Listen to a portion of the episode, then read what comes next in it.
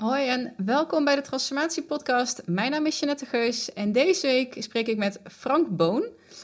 Frank houdt zich bezig met een thema waar veel mensen mee zitten en dat is een vraag: wat is mijn passie? Hoe vind ik mijn passie?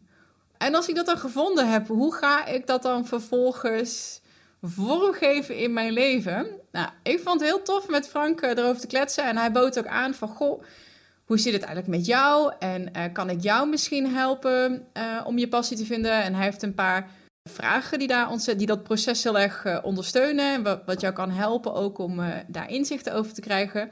Dus dat doen we ook gewoon lekker in de podcast. Heel eerlijk, en dat merk je ook in die uitzending. Ik denk dat ik met deze podcast en de, de trainingen die ik geef... echt al wel in mijn zone of genius, om er maar even een term tegen aan te gooien, zit... Dus uh, als ik, dat zijn dingen, als ik die aan het doen ben, dan vliegt de tijd en dan ben ik helemaal in flow. En ik zou dit dagen vol kunnen houden zonder hier moe van te worden. En ja, dit brengt mij zo ontzettend veel. Dus dat wist ik al wel, dat die podcast dat absoluut voor mij is. Maar wat een beetje nieuw is, en wat ik het heel erg leuk vond, hoe Frank daar, die dat uit me peuterde, is dat ik het ook heel erg leuk vind om lezingen te geven of om spreker te zijn. En onze gast Frank Boon heeft bedacht welk nummer we gaan luisteren. En dat vertelt hij straks zelf uh, aan het einde van de podcast. Rest mij alleen nog maar zeggen: geniet van je dag. Uh, laat het me weten als je vragen, feedback, tips hebt. Altijd welkom. En tot volgende week.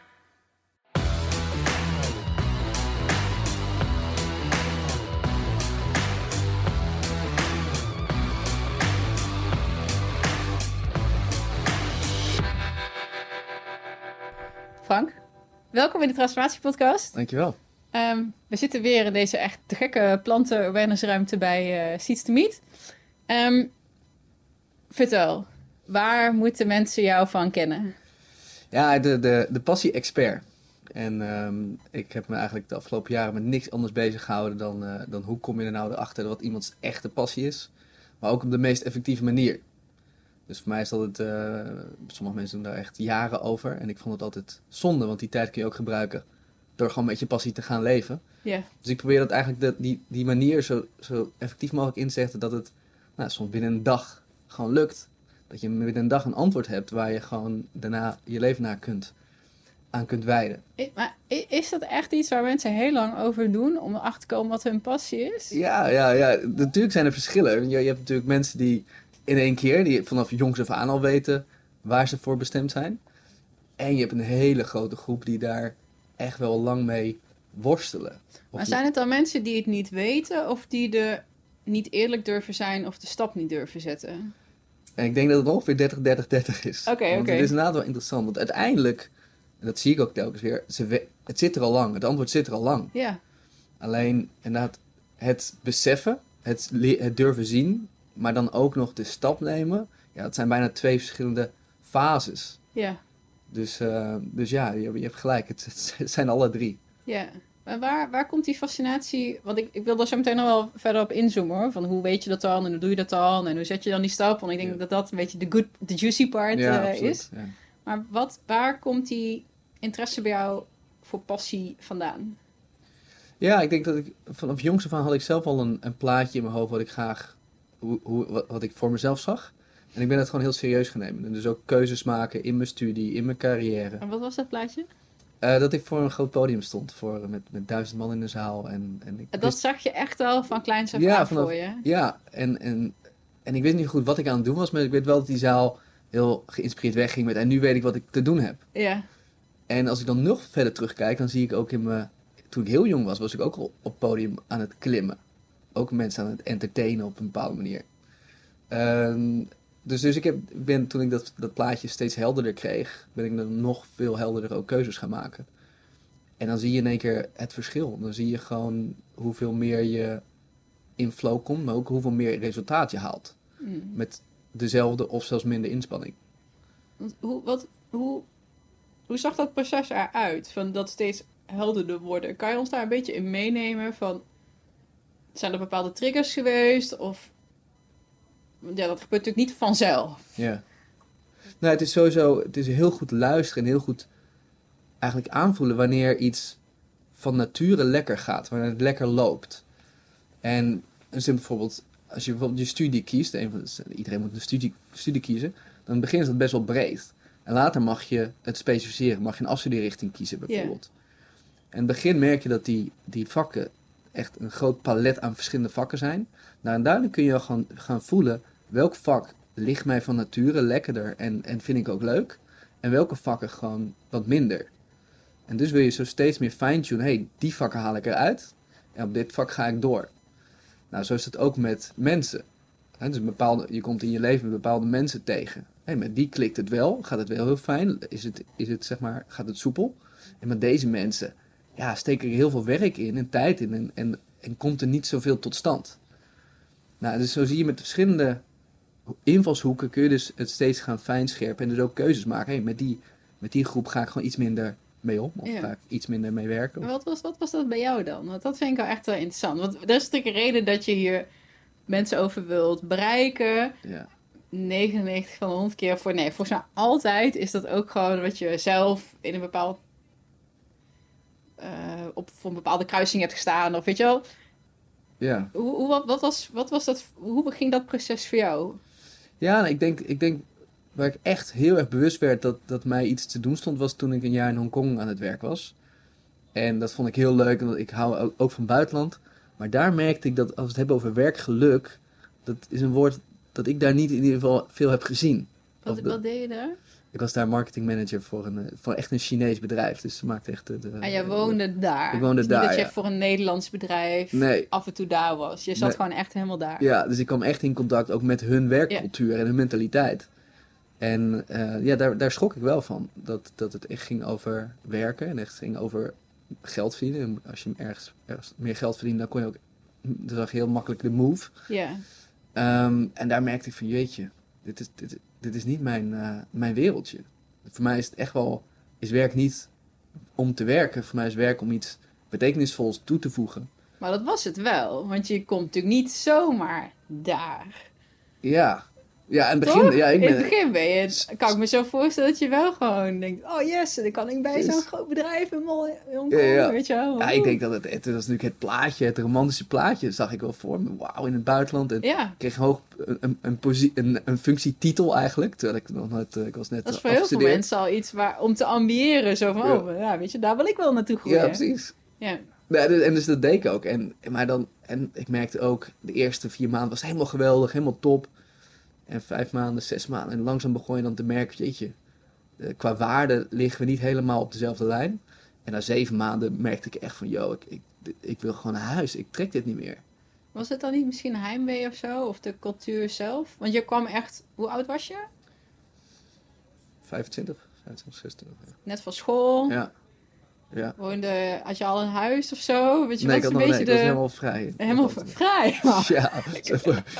dus ik woonde Dat echt zegt wel... ook al heel veel. Ja, ik was vrij. dus ik had echt een jaar gecommi- gecommitteerd om daar gewoon te zijn. Om daar echt een, een, een leven op te bouwen. Dus ook met een heel sociaal eh, kring Maar opzetten. dat is super heftig. Om dan Ja. gewoon Nederland, gewoon vaarwel, familie, vrienden. Ja. ja, maar ergens trok me dus iets aan. En later kon ik dat ook goed, be- goed bedenken. Want wat ik gewoon heel tof vind is om jezelf dus in zo'n positie neer te zetten. En het te fixen en het gewoon te regelen. Dus ook al heb je niks meer, je begint from scratch. Ik vond het interessant om in een jaar tijd dus dat allemaal op te bouwen. Dat ik vrienden had, ik had, ik had prestaties op mijn werk. eh, ik had een, eh, een, wonen, een fijne woning. Om dat te ervaren van, hé, dat kan dus. Ik kan zomaar gewoon op een random plek in de wereld neergezet worden en gewoon mijn shit eh, Ja. voor elkaar gaan krijgen. Ja, Ja, dat is vet. En toen kwam ik terug, dacht ik, nou, dan kan, dan kan dat hier ook. ja. En, eh, en ik denk later, in mijn, toen ik mijn eigen bedrijf startte, is het hetzelfde. Van, oké, ik kan dat dus, ja. En je ging daar weg. Of je hebt, heb je gewoon de boel opgezegd? Of wist je toen al dat je... ja. Ik zou een jaar daar, daar zijn. Oké, dus je bent niet... Oh, je hebt gewoon dat jaar volgemaakt en toen... Dus je bent niet daar halfwege gezegd... Nee, Nee, nee, want, het niet, nee ik ga naar huis. ik vond het interessant, juist dat punt dat ik echt, nou, heimwee had of het echt even niet meer zag. Ja. Ik zag echt, ik vond het echt heel zwaar. Om daar dan doorheen te gaan. En dan ermee te dealen ook weer. Hé, hey, wacht even, deze mensen zijn anders. Die hebben andere waardes. En hoe ga ik daar dan mee om? Hoe zorg ik toch dat, er, dat, ik, dat ik hier zeg maar kan... ehm, de dingen kan doen die ik, die ik wil doen. Ja. Hoe deed je dat? Want je merkt van, oh, weet je wel, je disconnect lijkt me best wel lastig als je dan voor zo ver van huis zit. Kan jij nog achterhalen wat jij deed? Of wat soort van de verlossing bracht voor die momenten waarop je dacht, oh, ik zie het echt niet meer zitten? Ja. Wat je er doorheen trok, zeg maar. Ja. ja, voor mij één ding is, is in ieder geval, ehm, op, hoe zou ik dat zeggen? Kijken naar hun zonder oordeel. Dus ik, ik begon me echt te irriteren aan s- som- sommige ge- gedragskenmerken. En om te zien van, hé, maar daar kunnen ze ook niet altijd wat aan doen. Het is ook het heel systeem wat erachter staat. De hele opleidingsinstituut wat, wat ze daarvoor heeft, nou, dat ze bepaalde dingen heeft geleerd. Om daar ook naar te kijken, dus iets zachter naar te kijken. En hé, joh, ja, weet je, jullie kunnen er ook niet, je kan er ook niks aan doen. Ja. Dus ehm, en het enige wat ik kan doen is gewoon mijn aandeel. Dus ik begon ook wel gesprekken met mensen te hebben van, joh, hoe, hoe kijken jullie er eigenlijk tegenaan? En dan in één keer merk je dat die mensen heel veel op hun, op hun borst hebben en heel veel te vertellen hebben, maar dat nooit hebben durven zeggen. Dus op een gegeven moment werd ik een soort van spreekbuis tussen medewerkers en baas. En er speelde dus enorm veel wat nooit was uitgesproken. Oh. En in één keer, in één keer werd ik een soort mediator. Nou, en daar kwam ik dus helemaal... eh, dat vond ik een stuk leuker ineens. Ja, ja, ja. En dat, maar dat is best wel een hele belangrijke mindset shift. Om te gaan van ik irriteer me naar, goh, in een soort van interessehouding. Ja. Hoe, hoe, kwam je daarop? Of Was je geïnteresseerd in bepaalde boeken? Of had je coaching? Of, want dat is niet iets wat we van nature doorgaans Ja. bezitten. Ja. Nee, ik had toen nog heel weinig coaching. Ik begon daar, nee, ik begon daar echt later pas mee. Weet je nog wat, wat, wat, hoe je zo van hoe je tot de inspiratie kwam van oh laat ik eens gewoon, laat Ja. ik gewoon eens vragen hoe het met hun gaat. Ja, wat ik, wat, ik, wat ik heel erg merkte, en dat is denk ik ook de kanteling weer, is, is de, de vriendenkring die ik daar creëerde, waren allemaal eh, van andere nationaliteiten. En in één keer merkte ik dat iedereen dus vanuit zijn cultuur, cultuur een verhaal had. En een bepaalde levensstijl had. En toen zag ik, hé, maar als mijn vrienden uit Portugal, uit Slowakije, uit Brazilië, die hebben allemaal hun eigen ding, dan zal dat, waar ik nu tegenaan loop, die zullen ook wel hun verhaal hebben. En toen ging ik eens doorvragen, joh, hoe is eigenlijk jullie, eh, jullie schoolsysteem en eh, hoe zijn jullie opgevoed en hoe is eigenlijk, wat vinden jullie nu belangrijk? En, en toen kwam ik eigenlijk, toen ging ik dat soort vragen stellen. Dus eigenlijk, de kunst is vragen stellen. Ja. Ja. Ja. En het grappige, ik zit er nu te bedenken, dat is ook, hè, hoe vind je nou wat je echt wil? Vragen stellen. Ja, Maar wel de juiste vragen stellen. ja, En, en dat is denk ik het verschil geweest toen. Eh, de juiste vragen leren stellen. ja. Dus in eerste instantie eh, geïnteresseerd zijn in, de, eh, in vragen bedenken die an, voor anderen. Ja, ik, ik ben het helemaal met je eens hoor. Ehm, en ik denk dat we misschien wel 90% van de tijd een persoon buiten ons nodig hebben om vragen aan ons te stellen. Ja. Ik had een paar podcasts geleden, ehm, ging over de creatieve revolutie. Eh, een hele creatieve dame. Ja, ja. En die. ehm, Zo, ik ben gewoon echt in één keer mijn vraag kwijt. Over, over vragen stellen. Die, Ja, en die zei ook van je, je moet je visie, je, je creatie, of waar je van. Doordat je de woorden aangeeft, krijgt het vorm. ja. Maar als niemand daar ooit naar vraagt, er Ja. zijn weinig mensen die hardop thuis Ja. hun visie eens even uitleggen aan iemand of voor zichzelf uitspreken. Dan dacht ik, oh, maar dat is interessant. Als ik kijk naar wat we met 12 Face bijvoorbeeld doen, en van de eerste opdracht gewoon, ja, weet je wel, mensen eerst als je maar eens laten dromen en gewoon die verbeelding. Ja. En, maar dat doet dus niemand uit zichzelf. Nee. Want je bent gewoon, je zit in een soort van Ja. sneltrein. Je, je hebt helemaal niet, Nee. maar je laat vragen stellen. Ja, en je Ja. zegt dus twee hele belangrijke dingen. Eén, dat moment om dat, de tijd voor te nemen, dus dat ook te zien. Ja. Hè, dus in mijn, in mijn vrouw in Hongkong even afstand nemen, wat gebeurt hier eigenlijk? En dan die vragen stellen. Eh, of laten stellen, dat is misschien nog wat Ja, beter. precies, ja. Want dan kun je de woorden aangeven of het plaatje krijgen. Maar je kan ook Invulling. journalen of gaan schrijven. Ja, dat is ook nog. een manier om je Ja. visie eh, Ja, vorm te geven. ja, dus dat is, al- dat is al- nou, het, woord, het vragen en daardoor, daardoor de antwoorden en de woorden eraan kunnen geven. Dat is echt key. Ja, want dan... En natuurlijk, kan je het heel spiritueel maken. Dan creëer je het en dan manifesteer je het. Ja. Maar gewoon, als je niet... Ik denk dat je daarover na moet denken. En het moet uitspreken. En dat je hem zelf moet horen uitspreken. Om te beseffen van... Oh, ik wil het wel of ik wil het niet. Of, het- of het, Ja, of, weet je wel, het klikt of het klikt niet. Ja. True. Dus inderdaad, alleen dat het zelf uitspreken, inderdaad merk je, hé, hey, dat resoneert wel. Ik ben altijd, binnen de helft van mijn training ben ik bezig met welke woorden geven we hier aan? En het is echt soms op detailniveau, hé, hey, dit woord resoneert wel, dit niet. Want voor mij is die, is die zin zo belangrijk, omdat je daarna, je kunt het zelf voelen, je kunt erin geloven, maar je kunt het ook naar buiten brengen. En dus manifesteren. Enerzijds door eh, nou ja, het, het, het hogere, hogere zelf of het universum, maar gewoon heel simpel en praktisch. Mensen kunnen je dan gaan helpen. Oh, zoek je dat? Oh, dan weet ik nog wel iemand. Ja, ja, ja, ja, ja. Dus, ehm, ja, dus dat, dat vind ik altijd een interessant proces. Dat woorden eraan geven. De juiste zin, de juiste energie eraan uh, in krijgen. Ja. Oké, nou, jaar staat erop. Kom erachter, hé, hey, uh, ik kan ook met mensen in dialoog in plaats van me gaan uh, irriteren. Hoe kwam je terug? Had je toen al een andere baan of was je toen al bezig met wat je nu aan het doen bent? Nee, dus ik had, ik had toen ik terugkwam, had ik heel duidelijk van ik wil professioneel opgeleid worden. En ik merkte wel dat vanuit alle, allerlei landen merkte ik dat Nederland op, op bedrijfsniveau echt wel een paar stappen vooruit is en, en heel professioneel is. En dus wou ik ook bij een groot bedrijf werken. En toen ging ik ook weer kijken naar welke, waar voelt het gewoon het beste? Los van wat ze precies doen, waar, waar heb ik de meeste connectie? En toen kom ik bij een grote financiële instelling terecht. Ik, uh, ik heb de ballenverstand van financiële producten, maar ik weet alles over gedrag in zo'n grote organisatie. En dat vond ik, dat vond ik machtig mooi. Wat deed je daar? Ik was daar uh, nou, eerst lean trainer.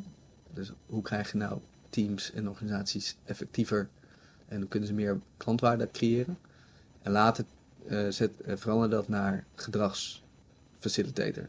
Dus hoe kun je nou het topmanagement um, omturnen tot gedrag waar echt wat anderen stimuleert om alles uit hunzelf te halen, maar ook alles uit een team. Waarin ook dingen bespreekbaar worden die normaal onbespreekbaar bleven. En om echt connectie te krijgen met, met de mensen. En zo'n organisatie is heel veel op results, heel veel op uh, nou ja, de, de, de, de, rationele kant.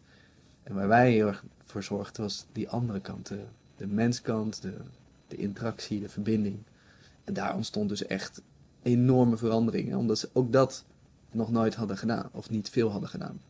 Ja. Hoe, uh, hoe, hoe kwam je erbij om dat te gaan doen?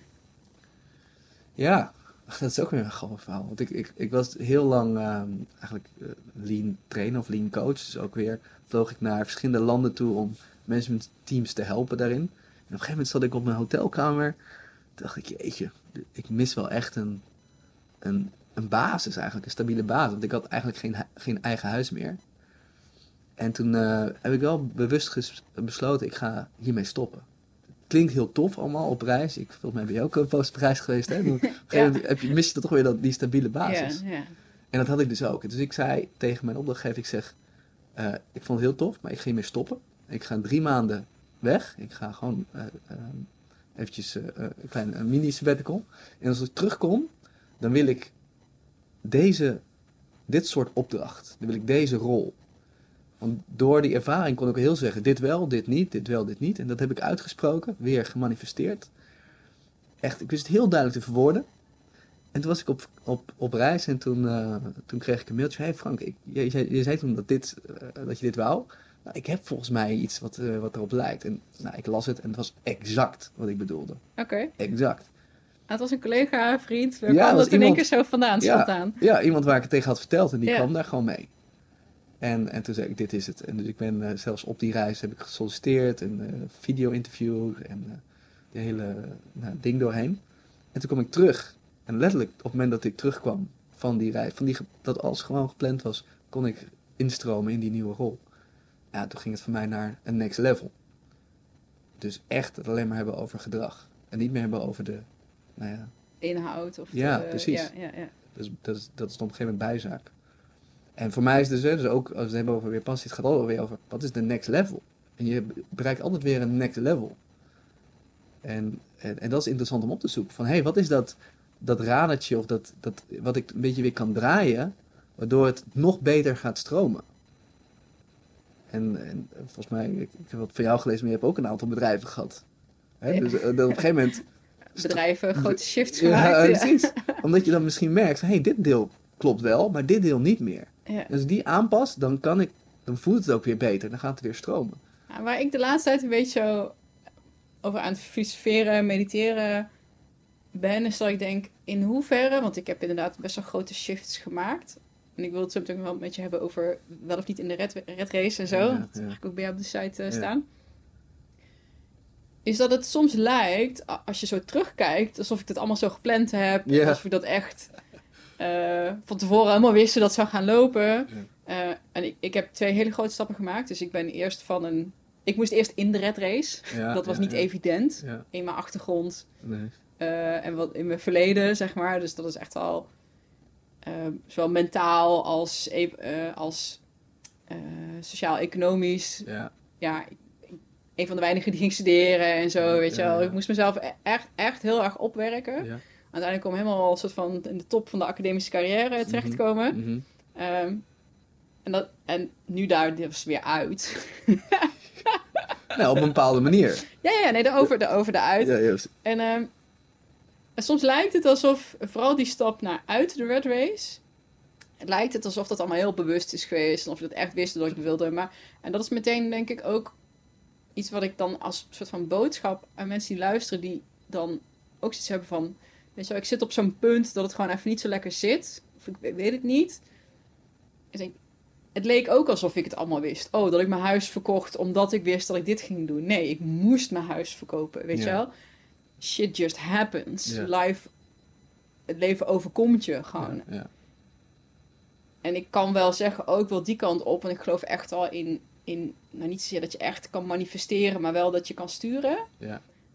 Maar ik, ik stuur op de, de curveballs die me toegeworpen worden. Dus pas op die momenten kan ik keuzes maken. Op het moment dat je ex je verlaat, dat je, eh, weet je dat, shit gewoon gebeurt. Denk oké, en hoe ga ik daarmee om? En daar zit volgens mij de momenten waarop je echt, echt, echt kan quantum leapen naar iets anders. Want dan is toch al alles... eh, Helemaal eens. maar je kan natuurlijk ook zeggen van, oké, ik ga gewoon zo'n clean break creëren. Ja. Dat is wat we nu doen. Ja, Maar mijn eerste clean break is gewoon vallen, ja, ja, ja. kruipen, opstaan, achteruit lopen ja, en ja. jumping jacks doen. Ja. What the fuck ben ik aan het doen? Ik had geen idee. Maar jij bent in staat om dat te doen, om dat ook voor jezelf te creëren. Om die, om nu die, wel. die pijn... Toen was het een beetje per ongeluk. Maar nu weet ik wat ik toen heb gedaan. Dan kan je erop terugkijken en denk oh, dat is wat we hebben gedaan. Oh, dat kan ik nu wel me- meenemen in deze keer. En nu gaat het super efficiënt. Ja. Nou, dus ik ben helemaal met je eens dat, dat je die pijn of die, die, die, die obstakels nodig hebt om echt die quantum leap te krijgen. Ja, en ook om te weten van, oh, weet je wel, wat vind ik hiervan? Ja, maar weet dus, en dan hadden we het beginnen over, dat er een hele grote groep is die dat nooit zo ervaart. Die maar blijft hangen in dat kabbelende, Ja, het is wel oké, ik verdien mijn geld. En maar altijd zo'n sluimerende gedachte van, maar is er niet meer? Is er niet iets anders? Past dit wel? dat heb ik ook gehad. Oké, Het was hoe- ik 14 of zo. oké, dat is lang geleden. Toen liep ik naar de bushalte of 12, 13, 14, Ja. 15. Nou, ergens gewoon jong. Liep naar de bushalte s'avonds door de Racehof. En dat was nu een beetje de ghetto in. Tilburg. Zo, Ja. zo, dat was de eerste nieuwbouwwijk, weet je wel. Ja. En daarna kwam er nog een veel grotere nieuwbouwwijk achteraan. Dus die eerste wordt dan een beetje ghetto. Ja. En ehm, weet je dat je daar zo loopt en met die huisjes naar binnen kijkt. En dat is echt zo'n nieuwbouwwijk. Ja, ja, huisjes met allemaal gezinnetjes en autootjes. En die zaten te eten. En dan echt zo, oké. Ja, is dit het dan? Ik hoorde zo'n Doema-liedje op de achtergrond. En toen was je Wijs wel. 14. Ja, is dit alles? Maar ja, kun je je voorstellen dat er gewoon heel veel mensen zijn die dat zeg maar, heel lang in hun leven nog hebben? Ja, En, en, en daar zijn er echt genoeg van. En natuurlijk is dat helemaal oké. Ik bedoel, het is ook echt een keuze. Maar soms kun je wel vragen, is het echt een keuze?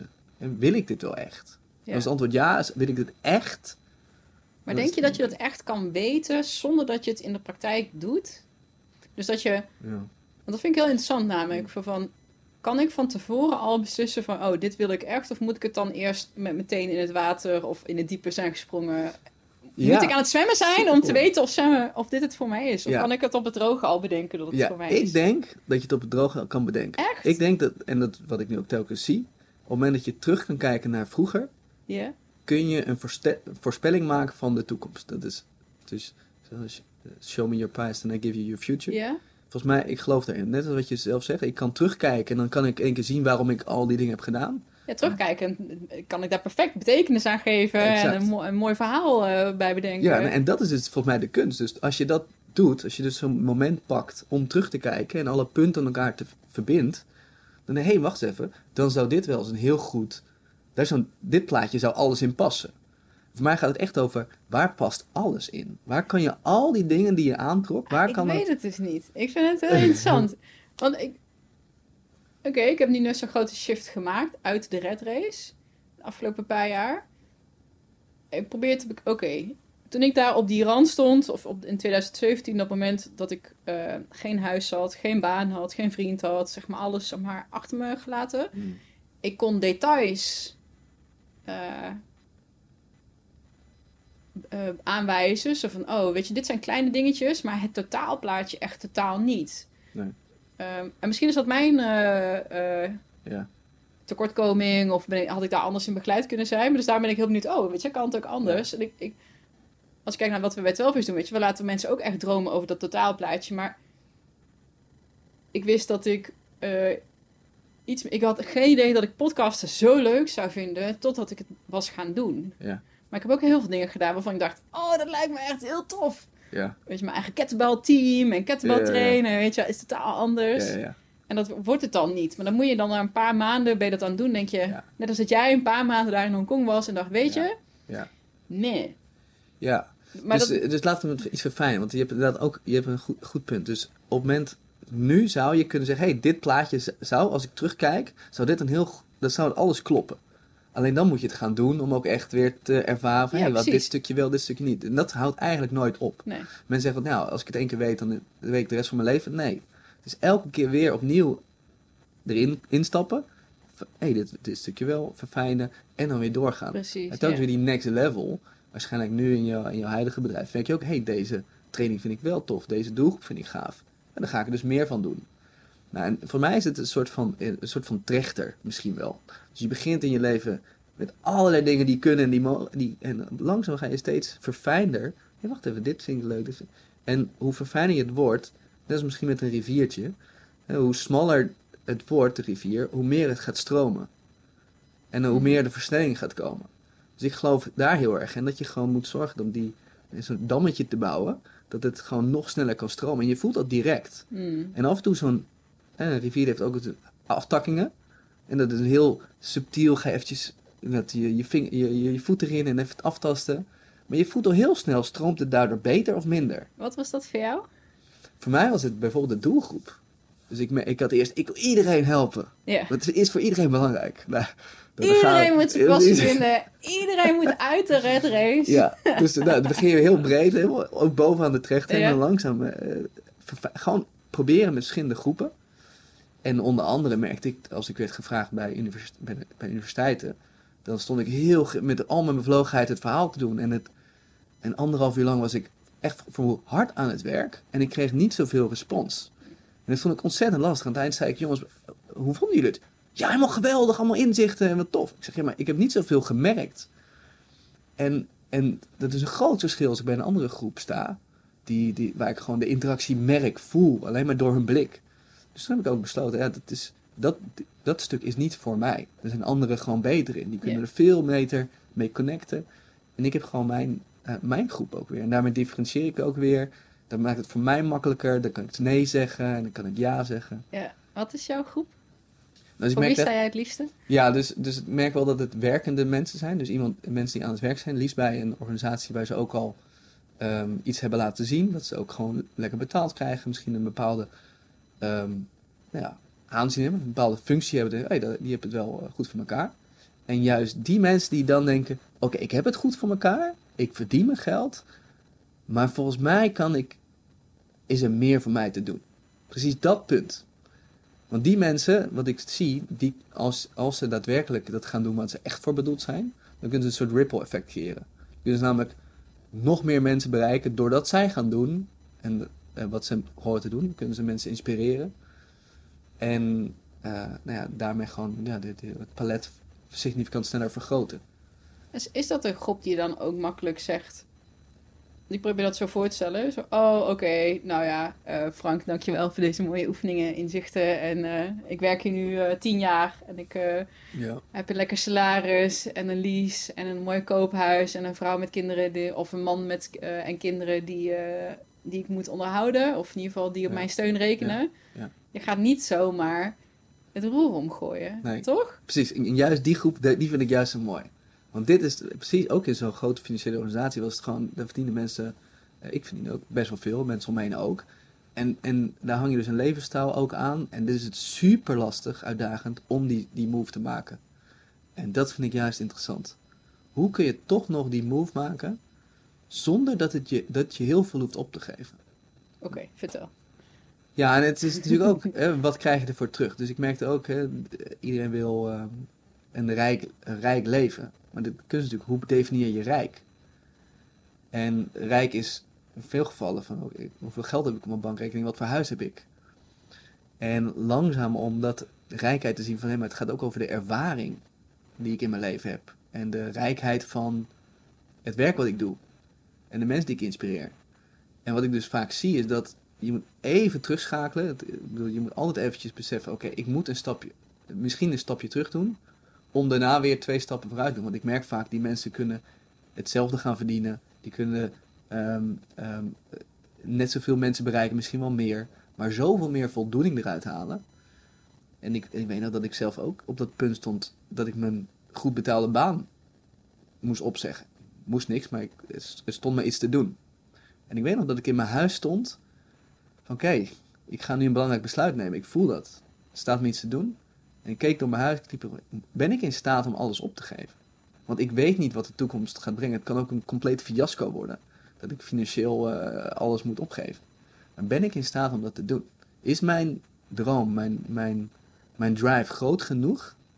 En toen stond ik daar en dacht ik, ja, ja, volgens mij, dit is toch alleen maar materiaal. En mijn droom is volgens mij groter dan, dan dit. En dan toen die jump nemen. En dan blijkt dat je helemaal niets hoeft te verkopen en niets hoeft achterlagen. Shit, je- verkeerd gedaan. Ik Ja. heb namelijk alles verkocht. En waarom heb je dat gedaan? Wat was daar de Nee, ik herkende dat moment wel goed. burn your boats, hoe zeg je dat? Burn your bridges? Ik, nou, bijna. Maar nee, ik herken dat moment heel goed wat je zei. En ik, maar, ik stond van buiten in mijn tuin. Ja, geen idee. Maar dat was het moment dat ik aan het bellen was met de makelaar. Ehm, ik weet dat dat één dag was. Waarop ik echt gewoon in twee totaal verschillende richtingen werd getrokken. Aan de ene kant... Volgens mij had ik net... Ik, durf, ik weet het niet zeker. Maar volgens mij heb ik een gesprek gehad met mijn ex... over Ja. de financiële afwikkeling. Ja, En dat hij nog 32.000 euro van mij kreeg. En. Dat je de samenlevingscontracten ontbinden en zo. Dus gewoon een niet leuk deel van dat stuk. Maar goed, een relatie gaat uit omdat... om- natuurlijk om honderdduizend redenen uitgaan. Gewoon, de klik is er niet meer. Ja. En diezelfde dag had ik ook de makelaar aan de lijn met of het eerste bod of net in de verkoop. Maar in ieder geval echt ah, Ja, ja, ja, binnen precies. 10 minuten of zo. Zo van extreem Ja, ja, vervelend nieuws of emotioneel nieuws naar beneden.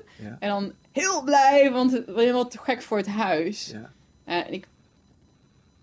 Maar mijn keuze was minder bewust dan die van jou. Dus daarom vind ik dat heel interessant. Zo van, oké, ik kon niet anders. Ik stond echt, echt met mijn rug tegen de muur. Als ik mijn huis niet zou... ik, ik weet niet of je mijn... Ik zal heel kort... Ja. Ik werkte in loondienst. Ja. Hele goede academische carrière. Kon ook mijn PhD doen. Alles gaat helemaal uh, koophuis. Helemaal verbouwd. Relatie. Gewoon de perfecte red race. eh, eh, of het perfecte verhaal eigenlijk. Burgerverhaaltje. Eh, maar ik wilde ook ondernemer worden. Dus ik was minder gaan werken. En ook met behulp van mijn ex. Eh, want ik had toen nog helemaal geen inkomsten. Van oké, afbouwen. Ik help je wel. Ja. Ehm, en toen het uitging. Kon ik dus nog niet op eigen benen staan met mijn bedrijf. Ja. Maar had ik wel 2000 euro de maand vaste last. Alles bij elkaar. Gewoon je, je huis in levensonderhoud. Dus van oké. als je geen spaargeld hebt. Ja, Mhm. forget it. Ja. Ja. Dus de enige optie die ik... Ik kon alleen mijn huis verkopen. En ik kon ook echt niks terugkopen. Ja. Dus ik moest. Ja. Ja. Ja. Dus daarom ik zeg, ja, weet je, het leven gebeurt gewoon. En het lijkt dan wel heel romantisch en rooskleurig. Maar weet je, daar wil ik ook een beetje, soort van, soms wel even een ander geluid. Want het lijkt soms alsof, weet je wel, we dromen allemaal en we doen allemaal maar. En oh, dat kan allemaal zo. Maar soms kan je gewoon niet anders. En dan, en, maar dat is ook een soort van twee splitsing. Je kan helemaal in het zielige verhaal blijven hangen. Ja. Ik moest mijn huis verkopen en mijn eh, relaties uit, weet je wel. En Ja. in dat kwetsbare, je ligt in de goot beeld, zeg maar. Of, maar weet je, dit is... Wat opent zich nu voor? Ja, Ja, ja. ja, en het is niet... En ik geloof heel erg in dat je die perspectieven kan kiezen. En ook dat ik dit voor mezelf heb gecreëerd, weet je. En dat ik dat echt heel graag wilde. Alleen in dat moment zag ik dat echt niet. Werd Nee. het gewoon van, als soort van blinde. Daarom zeg ik, sommige details zie je dan wel. Ja. Maar het is niet dat ik dacht van, eh, oh, nou, weet je wat? Ik eh, zet mijn relatie in de kant en ik stop met werken en ik verkoop mijn huis, want ik heb hele grote plannen. Ja. Nee, dit gebeurde gewoon. Ja. Uiteindelijk was het een blessing in disguise. Ja. Ja, dus allemaal, hebt die groep en kijk, dat, dat overkomt je en dan moet je ermee dealen. Ja. Wat ik echt ook merk is dat hè, vanuit stress die, niet altijd de, de, de makkelijkste, of de, de, dus niet op de makkelijkste fase, nemen niet de Zeker beste besluiten. Eh, dus ik wil eigenlijk voorkomen dat mensen in zo'n positie komen en zeggen: Ik moet nu alles opgeven. Het is, ik moet nu, want dan maak ik niet, gewoon simpelweg niet de juiste keuze. Dus Ja. wat ik eigenlijk wil proberen is zoeken naar mogelijkheden dat mensen kunnen voorsorteren en langzaam een transitiefase in kunnen gaan. Betekent altijd nog steeds iets loslaten, simpel. Maar niet per se dat je zegt, ik moet nu mijn huis verkopen omdat ik mijn nieuwe carrière wil of een nieuw bedrijf wil opzetten. Ja, precies. Nee, ik ben al lang... ontspant de boel ook Ja. een beetje. Ja. En daarna gewoon die, die, die, die, die stap wel maken, maar veel vloeiender in plaats van boom, boom. Want dat levert veel stress op. En daarvoor blijven we ook heel veel hangen, want Ja. niemand houdt van die... Dus het merendeel houdt niet van die stress. Dat wil het reptiele brein helemaal niet. Dus we overleven. En dat is alles behalve overleven. Dus, ehm, dus daar opteer ik eigenlijk naar. Om, om nu al voor te sorteren waar je uiteindelijk naartoe wil. Zodat je nu al stapjes kunt nemen. En om uiteindelijk die overgang heel subtiel te maken. Hé, hey, logisch, ik ben het al eigenlijk aan het doen. Ja. Het enige wat ik nu hoefde nog te doen, ik bedoel, ik ben eerst één dag minder gaan werken, toen twee dagen minder gaan werken. Toen voelde ik en alles, dit, dit is het moment en let's go. En ik heb die, die inkomensverschil heb ik nooit gevoeld. Ja, ja, ik, eh, ik wel. Maar dat, ja, weet je, dan gebeurt dat met die relatie en dat heb je dan niet in de hand. Dus ja, dat was ja, je financiële zekerheid die dan wegvalt. Dus eh, nee, misschien had het er dan ook wel anders uitgezien. Maar ja, goed, shit happens sometimes. Ja, daarom- en dan, en je- ja, en dan wilde je al ondernemer worden. Ja, En nu is het oké, ga ik terug in loondienst of ga ik toch, weet je wel, dit. Pad verder... eh, Maar dat is dus grappig, ook dat weer is, is, is er, en er gebeurt ook best wel veel shit in iedereen zijn leven. ja, En ook dat heeft altijd weer een reden. inderdaad. Soms om je een kick in de ijs te geven om datgene te doen wat je graag zou willen. En dan moet je wel. Maar soms ook wel om dat weer te gebruiken voor... om anderen te helpen, om anderen te inspireren. ja. En ik denk dus, het heeft, als ik... Ik denk niet dat dingen een reden hebben. Ik denk dat we er een betekenis aan kunnen geven. Oh, nice. Die is heel mooi. Uiteindelijk, misschien is de reden en de betekenis hetzelfde. Maar, maar het gebeurt allemaal gewoon, toch Ja. wel, Ja, denk ik. ja. Of eh, het leven gebeurt. Weet Ja. je wel, hebben we vrije wil, ja of nee? Ik heb een hele diepgaande discussie over voeren. Maar ik denk, want dat zit ook een valkuil. Als mensen zeggen, ja, dingen gebeuren met een reden. Weet je, dan gebeurt er iets rots en dan gaan we zoeken naar... Ja, Oh, en wat, waarom gebeurde mij dit? Nou, Ja. voor je het weet ben je daar drie weken jezelf Ja. drukker over aan het maken. Terwijl als je achteraf kijkt, daar betekenis aan gegeven. Dus meer van, oh, wat doet dit voor me? Wat kan ik hiervan leren? Hoe kan ik hiervan groeien? Hoe kan ik dit voor een keer beter doen? Dus dan ga je minder in de I love it. slachtoffer. Ja, maar is perfect. mij weer. En welke betekenis kan ik eraan geven? Ja, in plaats van wat is de reden ja. dat dit gebeurt? Ja, ja. Want als er iets negatiefs gebeurt, dan gaan we negatieve redenen zoeken. Terwijl, oké, Ja. ja. I love it. Want het, is ook precies, ja, met alle, ook je hele levenspad terugkijken. Goh, wat, wat, waar is dat voor bedoeld geweest? ja, wat, voor- wat- ja. Hoe heeft het mij verder gebracht? Ja, en hoe kan ik het daarna in mijn volgende leven naar een volgende next level brengen?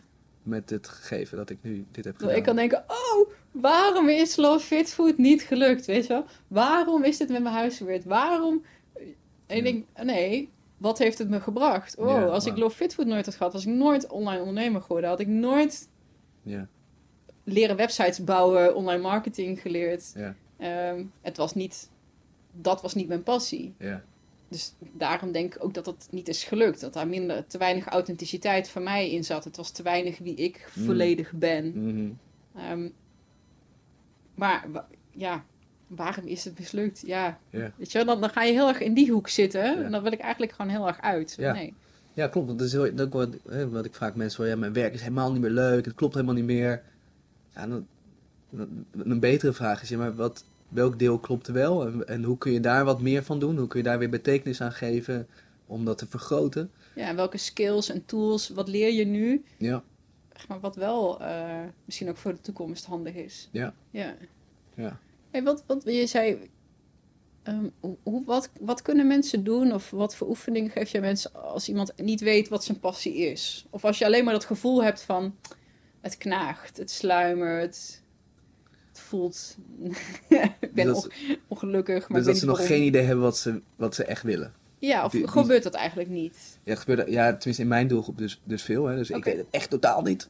Dat is vaak, eh, het klopt helemaal niet. En, eh, en, maar ergens zie ik al wel dat het sluimert, alleen zien ze dat zelf niet. Dus waar, wat zijn indicatoren waar mensen een beetje op kunnen letten? Zo van, hé, hey, wat zijn signalen die dat aangeven? Nou, het is echt zo'n zo'n dieper gevoel van, ehm, ik, dit is dit, ach, letterlijk de vraag, is dit het? Ja. Als je dat je afvraagt, dan weet je dat je aan, een, aan iets te draaien hebt. En het, het, het, kun, het kan soms 5% wijzigingen zijn. En nogmaals, ik ga voor die kleine wijzigingen. Dus die kleine wijziging zorgt denk ik dat het beter gaat stromen. Dus die vraag, is dit het? There's work to do. ja. En, en, en dan is het, eh, de vraag, wat vind ik dan echt leuk? Dat is vaak waar, waar iedereen dan mee zit en mee komt. Wat, wat wil ik dan echt? Wat is mijn passie? Kan je mij vertellen? Ja, Vertel mij, Frank, als jij mij nou eens Ja. even vertelt wat ik echt leuk vind. Oh, je moet eens weten, als ik in de kroeg sta en ik vertel wat ik doe, dus uh, gaan ze echt staan van, de, oh ja, kun je het in een dag? Dan doe het eens in, uh, in paar minuten. Ja, natuurlijk, geef je hand maar even. Ja. ik kan je lijn En het grappige is, het kan. Het kan super snel. Ik heb het ooit eens in, in een uur, in, in nee, drie uur gedaan. Uh, het kan heel snel, als je, nogmaals, als je de juiste Als vraag mensen stelt. het echt helemaal niet weten. Ja. Ja. Wat, is, wat is echt zo'n vraag waarvan je, oh, dit is echt mijn favoriete vraag om te stellen in die fase? Ehm, nou, wat ik altijd super leuk vind, is om gewoon te openen met, uh, wat deed je eigenlijk als kind? Waar ging je van het, wat deed je van nature? En uh, dat hoor je natuurlijk wel, wel vaker. Alleen de kunst zit er niet om dat antwoord dan te nemen. Dus ik vond hutten bouwen leuk. Ja. Ik wil niet zeggen dat je nu huttenbouwer moet worden. Maar wat ik interessant vind, juist één vraag daar altijd achter te zetten. En welk deel van precies vond je daaraan leuk? Was het het ontwerpen? Was het het creëren? Was het het erin zitten, overzicht hebben? Dus welk deel daarvan vond je leuk? En zo stellen kan je er nog een paar stellen. De rest in je leven, in je studie, in je werk, soms privé. Uh, waar, wat lees je? Wat vind je leuk? Maar welk deel daarvan vond je leuk? En daar zit nou de rijkheid van de informatie. En dan is mijn, mijn vraag der vraag is altijd, um, waar komt alles samen? Dus als je al die losse onderdelen dan hebt, net hebt genoemd, kunnen we iets creëren waar alles samenkomt. En daar ontstaat vaak een, een veel rijker plaatje dan alleen maar op, ja, ik vind, ik, vind, uh, ik vind koken leuk. Maar dat wil niet zeggen dat je per se nu een, kookclub moet oprichten. Of ik vind tennis leuk. Nogmaals, wat vind je daaraan leuk? En al die losse onderdelen met elkaar verbinden. En moeten we doen wat we leuk vinden voor jou of moeten we doen waar we goed in zijn? Ja, dus voor mij is beide. Dus voor mij is het één, waar, wat vind je leuk? Ik bedoel, het is heel stom om dingen te doen die je niet leuk vindt. Maar twee, waar ben je ook goed in, maar van nature goed in? Dat vind je leuk, vind je goed. Drie, wat, waar wil je ook een bijdrage in leveren? He, dus wat wil je ook toevoegen aan het leven van anderen? Anders blijft het een hobby. Ja. Dat is ook oké. Okay. En de vierde is, kan ik er ook een financiële waarde aan koppelen? Dus kan ik daar ook mijn geld mee verdienen, in dit geval, in ons huidige systeem. Ja, dus, dus dat, hetzelfde met het Iki, Ikigai-model? Ja, Zijn dat dezelfde uh, beetje dimensies? Ja, ik weet het niet uit mijn hoofd, Ja, maar volgens mij ook... Wat, Ze benoemen het anders, bij, maar... Ja, maar eh, dat zijn wel die, diezelfde soort domeinen inderdaad. Je bent op zoek naar de sweet spot die het allemaal een beetje Ja, want simpelweg, je wil het het meeste van je tijd gaan doen, omdat het je als het goed is het meeste energie oplevert. En het is dan, hè, mensen vragen, eh, wat vind ik leuk? Of, en dat is volgens mij niet helemaal de goede vraag. Volgens mij gaat het over, wat staat me hier te doen? En dat heeft gelijk een andere energie. Dus Ja. wat staat me hier te doen? En dat betekent ook dat je soms keuzes moet maken die misschien voor jou nu niet even heel, heel leuk zijn. Hè, soms moet je dingen opgeven.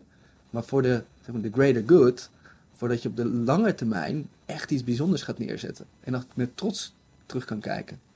Ik bedoel, ik ken geen enkel succesverhaal die nooit iets heeft, eh, nooit een, een, een, zeg dat? Een, een beer op zijn weg heeft gehad. En sterker nog, volgens mij eh, is het een, bijna een voorwaarde voor succes. ja, Is dat je, ook in dat gesprek wat ik gisteren had, ehm, het zijn juist de, de mensen die veel voor hun kiezen hebben gekregen, die zich uit veel dingen zich uit hebben geworsteld, of, die, Ja. of het nou Ja. van beginnen naar een hele hoge carrière is, whatever, Ja. dat die eh, vanuit die purpose filmen ook kunnen komen, omdat ze die struggles hebben Ja. meegemaakt. ja, het is veel weerbaarder ook. Ja, ja. Dus, dus het interessante is altijd, het ene is, nou, wat, wat is het dan en wat is het antwoord? Maar daarna begint de grootste fase, namelijk, oké, let's go for it. Ja, en dan, dat is een andere reis. En, en, ja, sorry dat ik zoveel eh, kritische vragen stel, maar ik vind het een leuk onderwerp. ben je nou niet bang dat, of dat iemand vanuit corporate bijvoorbeeld hiernaar kijkt en zegt, eh, ja, maar leuk aardig, maar dan hebben we straks, eh, want ik, ik heb ze ook in onze groepen Ja, soms ja. gehad. Weet je, mensen hebben gewoon op zich een leuke baan. Ehm, maar hebben ook wel een passie voor naar het koken of eh, mensen helpen met sporten of weet je wel. En dat, dat, je, dat heel erg veel, een hele grote groep mensen die aan het proberen is om van die soort van hobbyprojecten ehm, een ondernemingje van te maken of Ja, een praktijk op te richten. Ehm, ik weet niet of dat. Ja, of, nou ja, het is heel moeilijk. Nee, ik wil daar geen oordeel over hebben, maar ik zie daar heel veel mensen mee worstelen, laat Ja. ik het zo zeggen. Ja, en eh, ja, ik, ik, correct me if I'm maar volgens mij is, begrijp ik je. Waar ik dus niet in geloof is dit soort hobbyprojecten in één keer echt wat een compleet andere afslag is. Want je hebt nog steeds, ook dat is met een betekenis gebeurd, dat je nu in die corporate rol zit. Dus de vraag is, hoe kan ik dat stukje een plek geven? Dus het kan soms heel simpel zijn als de doelgroep van wie je het doet. Ja, Dus oké, ik geef eh, yoga voor corporates. Dus echt een andere doelgroep dan yoga voor yogis. Of eh, ik weet niet hoe je ze noemt. Ehm, eh, dus daar kan een verschil in zijn. Het kan ook zijn, ehm, nee, ik ga training, juist training geven over een bepaald onderwerp. Omdat ik zo ervaren hier ben. En ik wil dat overbrengen op die groep die hier nooit mee in aanraking is gekomen. Dus ik geloof niet zo in die complete andere zijprojecten die meer hobby zijn dan dat je er echt. Want je moet er gewoon niet. Je moet je voorstellen, kan ik de rest van mijn leven. Zou ik dit kunnen doen? Ja. Als En antwoord. kan ik je geld mee verdienen? ja, maar dat, dat. was jouw vierde. eh, nee, niet. de- Ja. Maar dat was ook een van de van hoe kan ik waarde en hiervoor be- voor betaald krijgen? Ja, dus hier ook is weer de kracht van de vraag. Hè. Veel mensen vragen: kan ik hier geld mee verdienen? Nou, wat denk je dat je brein gaat antwoorden? Nee. Het eerste wat je, wat je denkt is: nou, nee, het zal wel niet. Oh zo, nee. Ik wil, ik wil, ik wil niet, geen enge stappen nemen, dus het zal wel niet. Maar de betere vraag is, volgens mij, hoe kan ik hier Ja. geld mee verdienen?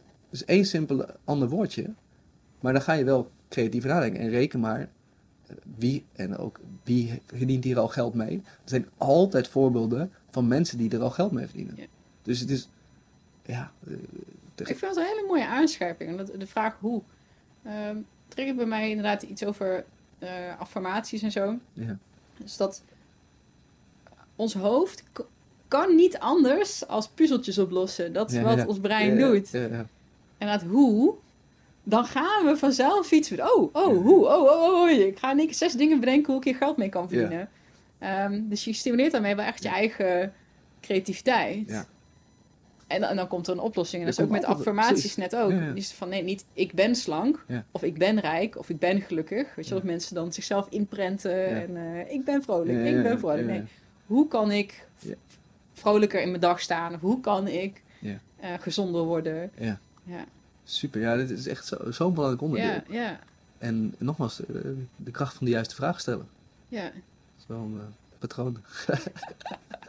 Ja, ik zat, ik had, ja goed, en dat is natuurlijk wat ik leuk vind om een podcast te doen. Dan, ik kan er niks aan doen dat mijn hoofd dan meteen aan nadenken. Oké, wat vind ik eigenlijk leuk? Ja, hoe kan ik eigenlijk waarde toekennen? Ik ben ook nog niet helemaal uit hoe het dan...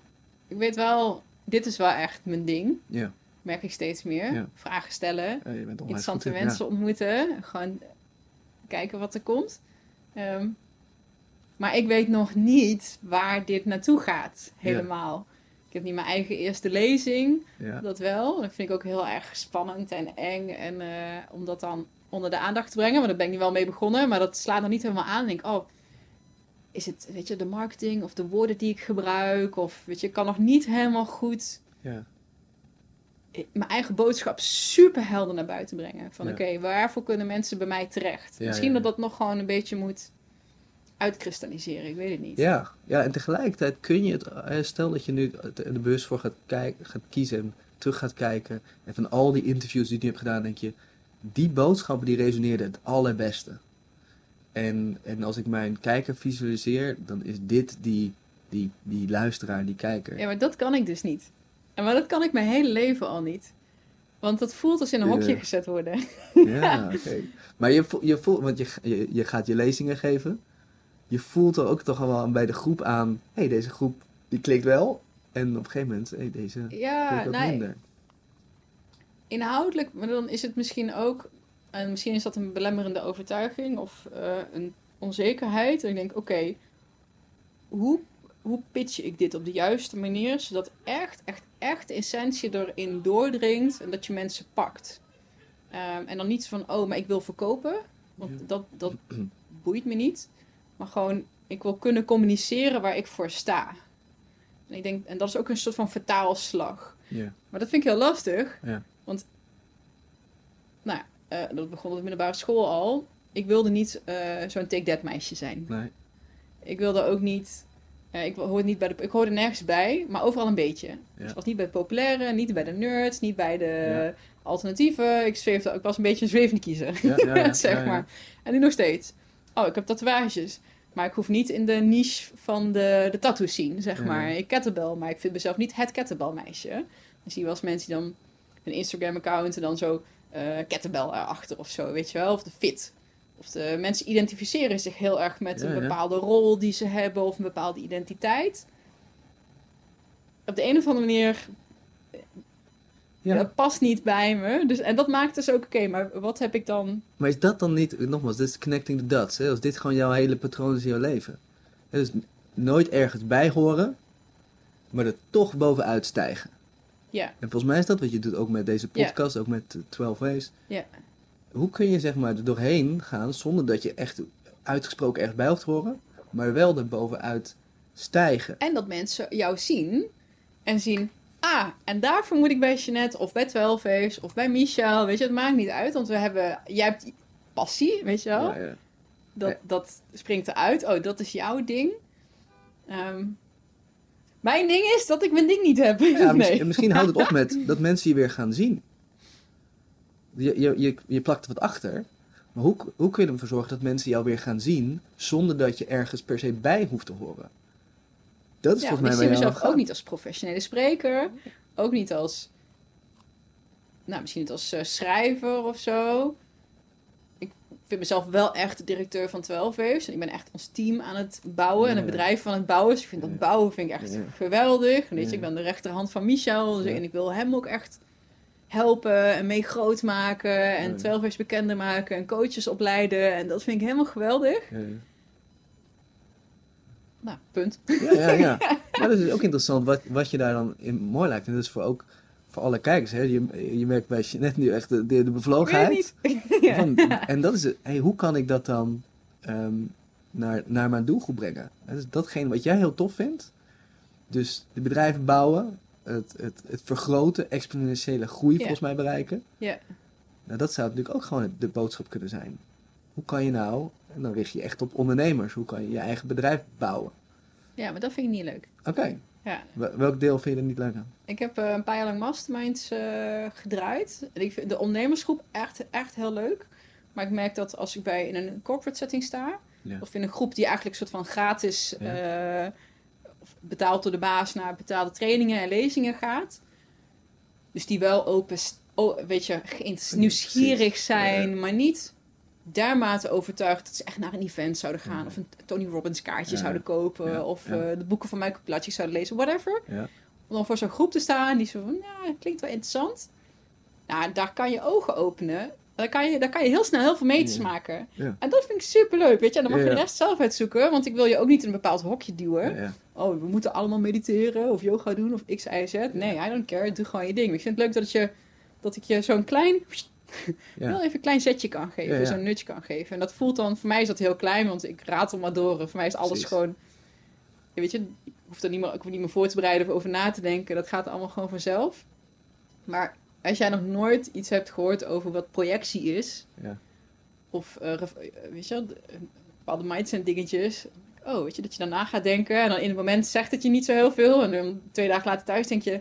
Ah, dat was het. Ja, ja. Dat vind ik heel leuk. En het deel, wat ik ook heel leuk vind, is dat om een goede training te geven. Ik merk dat ik bijna een soort van stand-up comedy rol ga. Ja, mensen Ja. pakken, weet je wel, grap, weet je, grapjes kunnen maken, connectie. Nou, ik vind het woord connectie altijd een beetje, dat wordt ook, eh, Ja, ja, ja. Ja. Ik heb geen ander woord ervoor. krijg ik weer bijna kip, of nee, niet Ja, kip van, maar eh, jeuk van. Maar, ehm, Dus die je energie overdragen, weet je wel? Ja. Dat mensen naar buiten gaan en zeggen, oh, dat is leuk en inspirerend en tof en zo. Maar uiteindelijk hoeven we dat naar de hand niet meer te horen. Ik vind het leuk als het in het moment zelf ja, ja. gebeurt, weet je? Als je iets ziet en iets kan benoemen. Je wel, soms dan, ik weet niet of je dat herkent, weet je, dan geef je een lezing en soms dan worden de ogen een beetje blanco. Dan zeg je iets of dan moeten mensen nadenken en ik, oh... Ik vind het leuk om dat dan te benoemen. Zo van, nou, ik zie je nu allemaal kijken alsof, eh, weet je wel, dan dingen benoemen. Ja, maar dat is toch perfect als je het nu al voelt. hè, Dat juist die niche, zeg maar, daar sla jij het meest op aan. Maar dan maak je blijkbaar ook de meeste impact. Eigenlijk mensen die er net, zeg maar, met persoonlijke ontwikkeling, die er wel eens van hebben gehoord, naar, hey, interessant. En dat hoeft niet nu in het moment. Precies. Misschien denken ze dan over eh, een jaar zo van, oh ja, net zoals ik voor mijn coach Johan, dan, bij hem heb ik een aantal concepten geleerd die ik dat voor nog nooit had gehoord. En dan nu terugkijken denk ik, hij heeft me echt zoveel dingen geïntroduceerd. En dan, ik geef hem niet die credits daarvoor, want ik heb het zelf opgepakt en ik ben zelf daar verder in gegaan en zo. Maar iemand was er voor nodig om eens een keer Ja. een concept bij mij op de radar te zetten.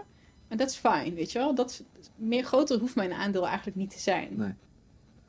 Ja. Ja, en ik denk ook hier interessant is ook om hè, te te zeggen wat je wel wil, wat je leuk vindt, maar ook dus wat je dus niet meer gaat doen. En heel veel mensen merk ik ook, die blijven dat altijd open houden. Van ja, maar ik ga toch nog dit doen. Ik ga toch nog bij die andere groep.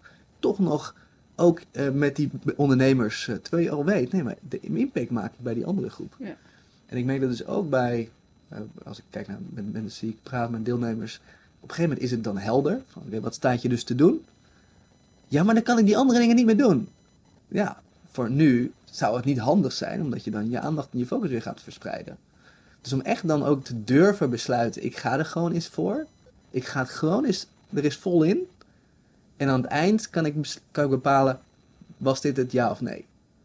Maar er ook eens even vol in te gaan. Dat is ook wel, eh, iemand zei het, kiezen gaat niet over ja durven zeggen, het gaat over waar je nee durft te zeggen. Oh, zeker te weten. En ja. dat is natuurlijk hier echt wel echt een ding. ja. En ik merk het zelf ook. Op het moment dat ik nee begon te zeggen tegen dingen, begon het te stromen. En ik denk dat daar, dat daar een heel groot deel zelfrespect en zelfvertrouwen Mm. voor nodig is. Mm. Want als ik weet niet hoe jij dat ziet hoor, maar misschien is dat voor mannen ook anders als voor vrouwen. En ik besef me dat er ook echt nog wel een groot verschil tussen eh, zit. Is dat we willen wel gewoon heel graag aardig gevonden worden en leuk gevonden worden en bij de groep horen.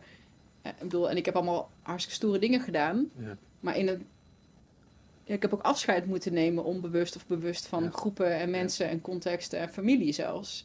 Ehm, weet je, er zit heel erg, gaat bijna tegen je natuur in. Van, oh, ik zeg wel, scherm iets af. Dus dan moet je best wel echt wel weten wat je waard bent. Ja, ja. En ook de mening van anderen, Ja, de mening van anderen laten. ja. En vooral niet, Ja. daar niet persoonlijk nemen of daar eh ja en of, of, of de meningen van de mensen die belangrijk zijn, die alleen je opnemen. Of die, waar je waarde aan hecht. Ja, wie is dan de belangrijkste? Dat zijn, dat, voor mij, dat, dat kan alleen ik zijn. Ja. Nou ja, het kan soms ook, ik bedoel, een mentor, Oh zo, ja. dat is een hele waardevolle mening. Dat neem ik altijd super serieus. Heb jij een mentor? Ja. Wie is Nou jouw mentor? Is het eh, Tibor? Of eh, nee? Nou ja, eh, is mijn, is mijn favoriete business coach, absoluut. Ja. En, en ik, ik sprak ook graag met Huub van Zwieten van Talent First. Vind ik Een hele mooie ondernemer voor mij. inspirerende kerel, die ook theatershows doet. Dus dat zijn de, de mensen waar ik dan even veel naar kijk. Ik vind dat een heel interessant thema, dat mentorship. Ik denk dat heel veel mensen daar baat bij zouden hebben. Mm, En we, we hebben het allemaal denk ik een paar. Vroeger was Oprah Winfrey, toen we nog allemaal televisie... Ja. Vroeger toen we televisie keken, Ja. zeg maar. en naar talkshows. ja, ja. Dat is ook een soort mentorship. Ik heb het bij de boeken die ik lees en de podcasts die ik luister. Omdat je jezelf eigenlijk gewoon een soort van herprogrammeert in een bepaalde richting of zo. Ja, en, en puur mentorship, dus eh, hij geeft al informatie over wat je eigenlijk, wat je leuk vindt om te doen. Ze zeggen wel eens, als je, als je geeft me wie je inspireert en waarom inspireert die persoon jou? En precies de antwoorden die je zegt, zeg, gaat eigenlijk over jezelf. Ja. Oh. Dus waarom ik eh, een Huub heel interessant vind, is, is hoe die zijn theatershows vol krijgt. Hoe die een onderneming opzet. Eh, bij Tibor ook. Hoe die dat voor elkaar krijgt. Dat zegt alles over mij. Ook met, eh, met een Tony Robbins. Wat hij doet, dat zegt heel veel over wat ik graag wil. Dus ook als je, nou dus ook dus, op die manier kun je mentors gebruiken. Van, hey, wie, wie wil jij dat jouw mentor is? En waarom precies? Welk deel van die mentor trek je zo aan? En tada, daar komt een antwoord over wat je eigenlijk te doen hebt. Oké, nou, voor mij. Deze gesprekken, podcast. Als ik aan mentoren denk, dan denk ik aan de podcast die ik helemaal te gek vind. Dat is een Joe Rogan, Ja. een Aubrey Marcus, een Duncan Trussell. En met name het stuk beetje de psychedelic filosofie. Ja, Gewoon ja, het abstracte, het spirituele bewustzijn, maar wel kraaknuchter Ja, en heerlijk, eh, praktisch. En, en lekker niet Down te serieus, een beetje, een beetje de gek meesteken. Gewoon, weet je wel? Ja. Eh, wat, wat komieken heel goed kunnen, want die hebben vaak wel echt een hele diepgaande Zeker, visie op de wereld. Een beetje dat stukje, stand-up comedy, vermengd met podcasten, vermengd met lezingen geven Ja. of trainingen eh, Ja, ja. geven. Ik wil echt, ik wil geen lezingen geven, ik wil mensen aan het werk zetten. ja. En dan, oké, nou, dan kom je erachter. Hoe ga ik daar geld mee verdienen?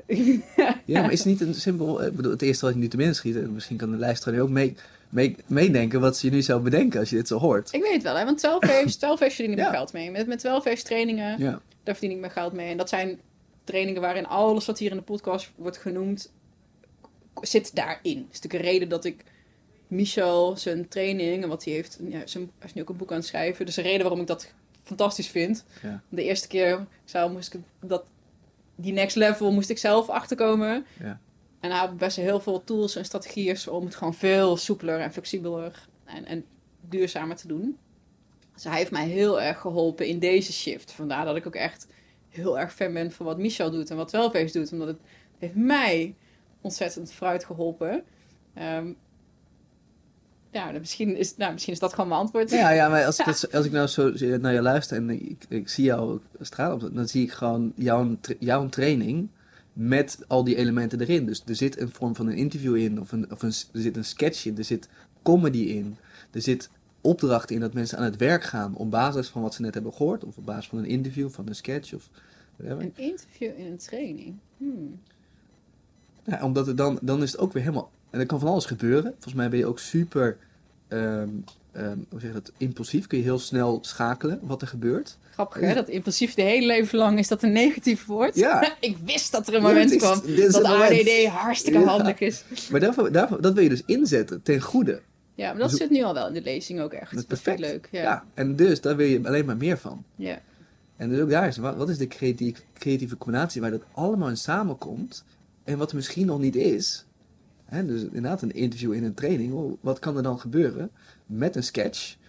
Ehm, ja, het- interessant. op een onderwerp en, en ook met die doelgroep in gedachten. Het wordt super interessant. Ik had laatst een, ehm, een, ehm, een een workshop, een seminar voor groepen in de IT. Vind ik een leuke doelgroep. Ook omdat hij... eh, nou, dat vind ik gewoon een leuke doelgroep. En op het eind moesten ze allemaal, waren 45 man in de zaal, allemaal zeggen waar, wat het eerste was wat ze gingen doen. Dus wat ze menen, want ik had Ja. een heel palet aan. Het ging over energie, dus van je lichaam tot je hoofd en eh, je eten en alles wat erbij komt kijken. En dan vroeg ik ze, oké, wat heb je opgepikt en waar ga je nu straks vanavond nog iets mee doen? Wat is je first action? Een dingetje wat vijf minuten kost. Vind ik leuk. Mensen moeten in actie komen. En dan, vind ik, dan ga ik heel die zaal rond en op iedereen heb ik wat te zeggen. Of een advies, of een tip, of een anekdote, of een grapje. Of, I don't know, dat gaat heel Ja, vanzelf. ja, ja. En mensen vinden dat, ik denk ik, dat is toch heel saai om dan van iedereen te horen wat ze. Maar dat was een hartstikke leuk half uur, weet je, wel, helemaal te gek. Ik denk, oh ja, zo zou ik. Dat is perfect. Ja, maar Dat- dat zijn mini-interviews. Ja, maar daar moest ik eraan denken. Het zijn Ja. een soort van mini, mini, één Ja. minuut interviews. En het kan ook dat je gewoon iemand gewoon uit zo'n corporate zaal gewoon is alsof het een podcast is. En iedereen en jij stelt gewoon je vraag zoals je normaal doet. En iedereen luistert mee en je haalt altijd wel tips eruit. Ja. En daarna, jongens, nu we dit gehoord hebben, volgens mij is dit het thema. Of we gaan deze oefening doen. Ah, ja. Of we gaan en, en zo aan het werk. Weet je wie dat kunnen. heel tof doet? Ik Misschien, ik weet niet of je haar kent, Byron Katie. Ja. Zegt je dat Ja, wat? heel goed. Ja. Ja, die doet op zijn podium je, de work, haar Ja, vier ja, ja. vragen. En dat doet ze dan. En hoe zij, On the dat, spot. Ja. hoe ze dat doet, on the spot. Ja. Met zo'n kleine, minuscule.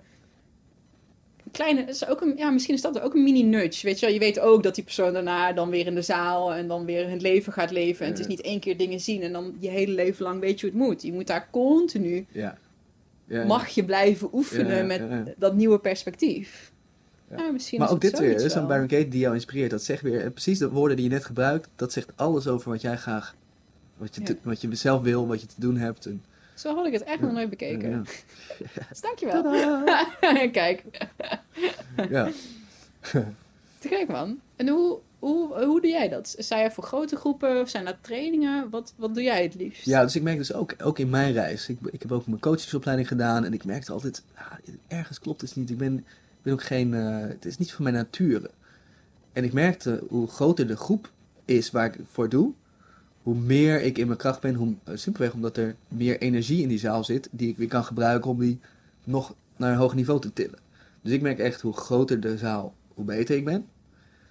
Dat is Ehm, voor heel veel mensen al tegenovergesteld aan ja. hoe zij het zien. Ja, Oh. en ik, en ik vind het altijd spannend, maar ik merk ook weer, als ik terugkijk naar ik klein was, het was altijd een natuurlijke beweging dat ik er gewoon opging.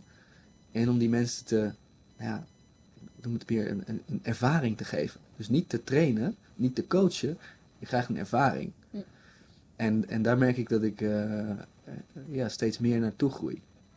En heb je altijd hetzelfde, eh, puur professionele interesse, Ja. heb je altijd hetzelfde thema, zeg maar, of dezelfde lezing of dezelfde titel waarmee je naar buiten treedt? Of merk je ook dat je daar nog in aan het shiften of in het ont- ontwikkelen bent? Ja, nou, het is, het is altijd, bij mij is geen enkele lezing eigenlijk hetzelfde. Ik, omdat het altijd, ik vind het zelf ook leuk om te verbeteren. Maar het thema is wel hetzelfde. Het gaat allemaal, hoe kom je er nou achter wat je echt Ja. wil op de meest effectieve manier, zonder allemaal eh, veiligheid op te geven. Dat gaat er eigenlijk altijd over. Wat ik nu merk is, waar ik heel warm voor word, is die trainingen geven, die impactvolle trainingen. Ja. En ik geloof heel erg dat iedereen iets heeft wat je aan anderen kunt geven en anderen kunt, mee anderen kunt inspireren. En ik geloof heel erg in de trainingsvorm. Omdat dat een ervaring is. Wat is je favoriete oefening? Want ik weet dat voor 12 is, ik weet perfect wat mijn favoriete oefening is om met mensen te doen. Wat is dat voor jou? De favoriete oefening? Ja? Oh, ik heb, dus- ik heb dus zoveel. Ja, ik ben echt van energizers. Dus ik vind energizers heel leuk om, om mensen even wakker te schudden. Wat is dat? Dat mensen even op een stoel gaan staan of Ja, eventjes, dus, dus bijvoorbeeld een, een hakka-dans die ik dan zelf heb ingestudeerd en die, die mensen dan meedoen. Of een, eh, een, een complimenten eh, dans, dan zet ik een nummer op en dan moeten ze rondlopen. Als het nummer uit is, dan de eerste die bij je staat, dan moet je compliment geven. En dan gaat het nummer, een muziek weer aan en dan moet je weer doorlopen. Dus heel veel van dit soort snelle bewegingen die, die je een soort van warm gevoel geven. Die, oh wauw, het is- wel, wow, ik voel me weer aanstaan. Ja, ja. En dan weer doorgaan met de oefening. Dus eentje waar, waar je Ah. naar zelfreflectie eh, nodig is. Dat is wel grappig. Daar zit ook weer jouw...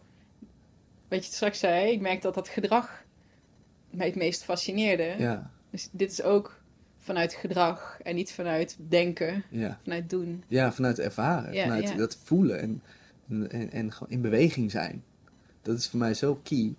En je, je ziet natuurlijk nog genoeg lezingen of trainingen of seminars waar je heel veel moet zitten. Ja. En dan gewoon in jezelf moet zijn. Ja, ik geloof dat juist met elkaar is zo'n... Dan kun je zoveel meerwaarde creëren. Door gewoon met een, met een persoon naast je. Wat doe je dan met mensen die, zoals ik, want als jij mij, ik vind dan dat soort oefeningen, denk ik, Ja, nou, de, kunst natuurlijk is om vanaf moment niet, één... niet, niet vanwege jou Ja, hoor, maar ja, ik heb ook al eens in zo'n zaal gezeten, waar ik heb open circles of zo, dat je echt Ja, denkt, ja, ja.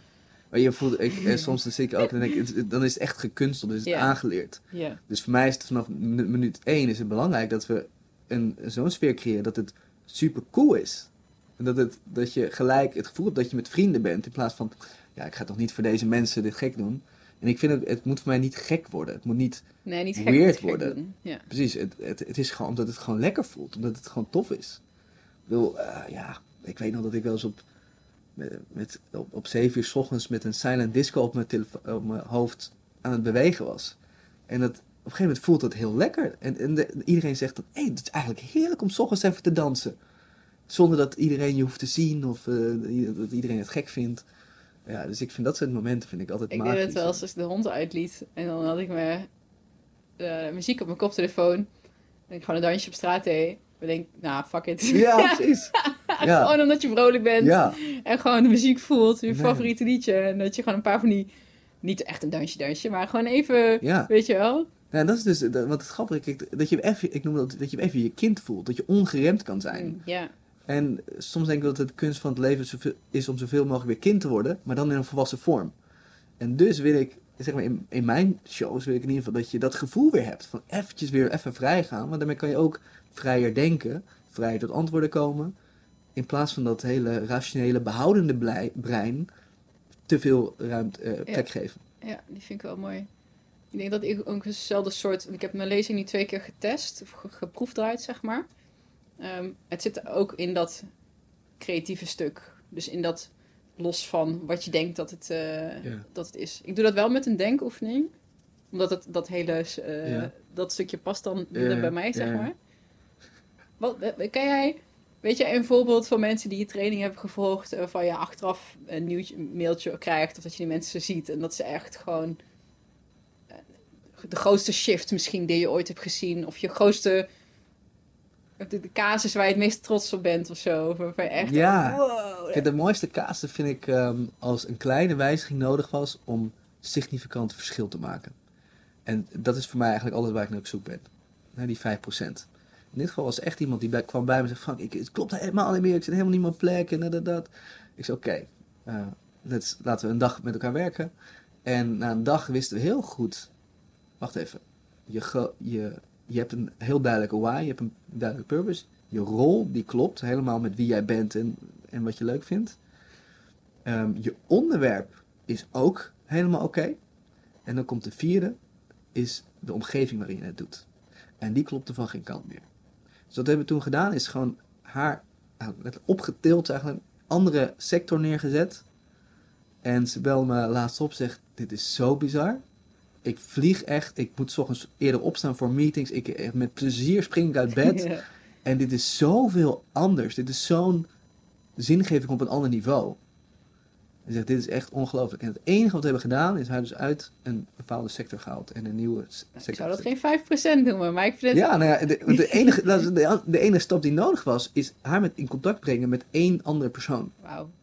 Want ik, ik vind het wel echt, ik vind het echt super mooi wat je vertelt. Want ik denk dat heel veel mensen zo'n beeld hebben van, oh, weet je, ook met transformatie, het moet dan meteen alles Mm. helemaal anders. Terwijl, wat jou, wat jou zegt, dat je misschien wel alles kunt laten zoals het is. Alleen, oh, weet je, dit kleine aspect eh, daarin veranderen. Dat vind ik er wel heel sterk Ja. aan. Ja. Dat spreekt me wel echt wel aan. Ja, en dat heb ik bij mezelf ook eh, elke, telke keer weer. En wat is mijn 5% wijziging nu? Ja. En wat wordt er nu van mij gevraagd?